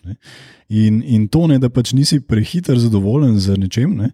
In v bistvu skočiš in rečeš, bom pa jaz zdaj to naredil. Ne? Jaz bi lahko že sred poletja začel to aplikacijo kodirati. Ampak se rekel, ne, ne, ne, gremo mi lepo, disciplina ne? in v bistvu na koncu Ja, lahko bi že zaštartil pač neko podjetje tukaj, sestavil ekipo in pa na koncu bi srečal pač nekoga, ki je pa že pač malo naprej v bistvu s tem produktom.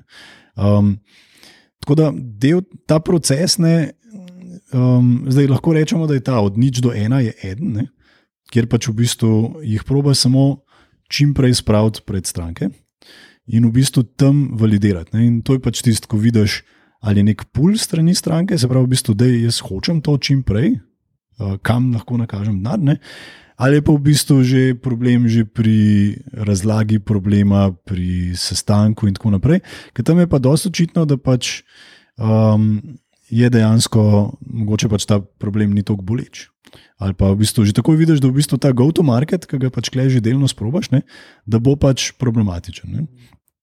Kar je pa treba tudi paziti, ne, je pa v bistvu, da če sem jaz uh, pri tem procesu, sem opazil, da pa tudi um, moramo za en bias, pač, na en bias pač paziti. In to je, da če sem jaz tam zraven, pa jaz s svojim imenom pač v bistvu pridem zraven, ne, v bistvu oni, uh, ekipe, veliko lažje dobijo sestanke. Kar je po eni strani sicer fajn, ker dobiš več intervjujev, ampak ne sme pa priti do tega, da v bistvu ti validacijo pokvari zaradi tega. Ne? Tako da imaš pluse in minuse. Ne? In pravimo v bistvu tudi tukaj mal ta bias pač dati stran, ne? da v bistvu res rečeš, no, lej, gremo še pač predvsem na tuje trge, gremo v bistvu pač tukaj res pregledati, ne? ali pa na različne načine, različni heki so, kako ti v bistvu lahko zvalidiraš um, neko zadevo, jo prej prodaš, potem se pa v bistvu lotiš um, razvoja. Uh, se pravi, v bistvu ta, ta prvi del je, da gre od nič do ena, ne? da pač v bistvu dejansko imaš ti stranke na drugi strani, ki so pripravljene plačati. In v bistvu tukaj, ne, um, čist implicitno, ne, ker pač v bistvu ti bolj skrbiš za ta um, posel, ne, se ne ukvarjaš toliko z ekipo, pa z razvojem, ampak bolj v bistvu samim razvojem pač tega projekta, produkta, podjetja. Um, v bistvu lahko ti pride že pred investitorjem z nekim trekšnom. Ne? In to je pa ful, na tak način je pa ful lažje dobiti investicijo, kot pa če rečeš, jaz imam neko idejo ali pa nekaj smo že razvili, smo čist kompletna ekipa. In zdaj le, zdaj le bomo lončali in bomo začeli prodajati. Um, in ta trekšen mora biti tak, ta pravi trekšen. Se pravi, ne tisti, kot kupu sem pač um, tok pa to Google Adsov in v bistvu dobo neke downloade, ampak v bistvu tako, da dejansko zvalidiraš res do konca. Um, in klej pač je, bom rekel, ta, ta del od nič do ena. Pa seveda, tam od ena naprej ne se pa začne pač drug del, ne, kjer pa spet je zelo odvisno od podjetja do podjetja, ali ima probleme s hiringom, ali ima problem z financami, ali ima problem s trgom, ali ne vem, z neko širitvijo na, na drug trg, uh, kakšne kanale, strategijo je pa pač v bistvu že bolj ta angelska vloga, ne? kjer v bistvu pač tudi tako, kot se pa v bistvu že bolj kot angel vklopiš noter. Ne? To tudi, uh, mislim, en drug del, s katerim se zdaj ukvarjajo, so pa tudi silicevi vrtički oziroma Silicon Gardens. To, če prav razumem, je tudi tak uh, angelski program. Um, ja, tukaj imamo zdaj dve stvari, ki jih moramo ločiti. Eno je uh, Silicon Gardens sklad. Zdaj, ta sklad smo v bistvu še takrat, ko sem bil še na uh, Sportradarju um, smo v bistvu naredili sklad ena, um, kjer smo se skupaj še vem, z Jugotom Petkovičem, Andražem Torjem, Boštjanom Špetičem, Petrom Ribaričem, zdaj sem začel naštevati, ne bom vseh naštel. Ne, um, smo se v bistvu pa zorganizirali skupaj in dali relativno malo denarja in rekli, gremo zdaj mi testirati, v bistvu, ali velja ta teza, ne, da zaradi tega, ker smo mi tako blizu trga. Uh, da lahko najdemo bolj zanimive stvari, ne? in po drugi strani, ne, da ali lahko z našim involvementom pomagamo tem firmam bolj uspeti. In če pogledam nazaj, ne, to je zdaj že štiri leta nazaj, kar smo štartali, se pravi, v bistvu mi smo ta sklad poinvestirali, smo naredili deset investicij in od tega je v bistvu um, šest investicij, ki ful dobro delajo. Pa treba je misliti, da to so zelo early stage tiketi, to so bili 50k ali manj. In v bistvu um, pač Zdaj, te so že vsi dobili pač nek follow-on investicijo in v bistvu tudi super rastejo. Ne? In med njimi so, ne vem, rekel Eurosender, seveda tudi Flavier, uh, Povio, um, Immediately, uh, Clean Shelf in Price Pilot. Ne? In vsi te so pač v bistvu še zdaj full dobro delajo in smo super ponosni na njih. Ne? Zdaj, pri dvojki ne, smo pa v bistvu pogledali, kaj smo se naučili uh, z Enko. Ne? Uh, dali smo precej več denarja skupaj, uh, se pravi, v bistvu organizirali smo se, vmes se je še par uh, exitov zgodil. Se pravi, v bistvu je bil Outfit 7, um, bila je klika Sport Radar in še par drugih, ki so v bistvu čist dobro stoječe firme, ki imajo tekoč posel zelo dober. Uh, in smo nabrali predvsem te aktivne angele. In predlog je bil ta, ne, da v bistvu damo skupaj denar. Uh, in potem se skupaj odločamo, kako investiramo, v koga investiramo, in tako naprej. Uh, in seveda, po drugi strani, da jim skupaj potem tudi pomagamo z našimi konekšnji, z našim znanjem, in tako naprej, ne? da v bistvu da imajo ta podjetja neko unfair advantage pred ostalimi, oziroma pač da dejansko imajo večjo, večjo uh, verjetnost uspeha. Ne. Tako, ne, tako da v bistvu zdaj smo uh, z samo izbiro že začeli. Uh, tiketi so 50k in 200k, se pravi, v bistvu še vedno smo na ta prisid, pa tudi 200 je še vedno tako na pol sit. Um, ampak v bistvu ti z 200 je potem že, ko, um, ko nekdo pokaže uh, nek growth, se pravi, v bistvu, ko nekdo pokaže v bistvu nek tak traction in mu lahko pomagamo pa v naslednji fazi. Ne. Zdaj, za mogoče poslušalce, ki imajo ideje podjetniške ali pa že nek traction, na kak način se najboljše prijaviti na, na Silicon Gardens, ali je to potem spet to, kar si ti omenjal, da ker ste tako blizu trga, vidite ljudi, izbirate, oziroma nekako vse spoznate z njimi.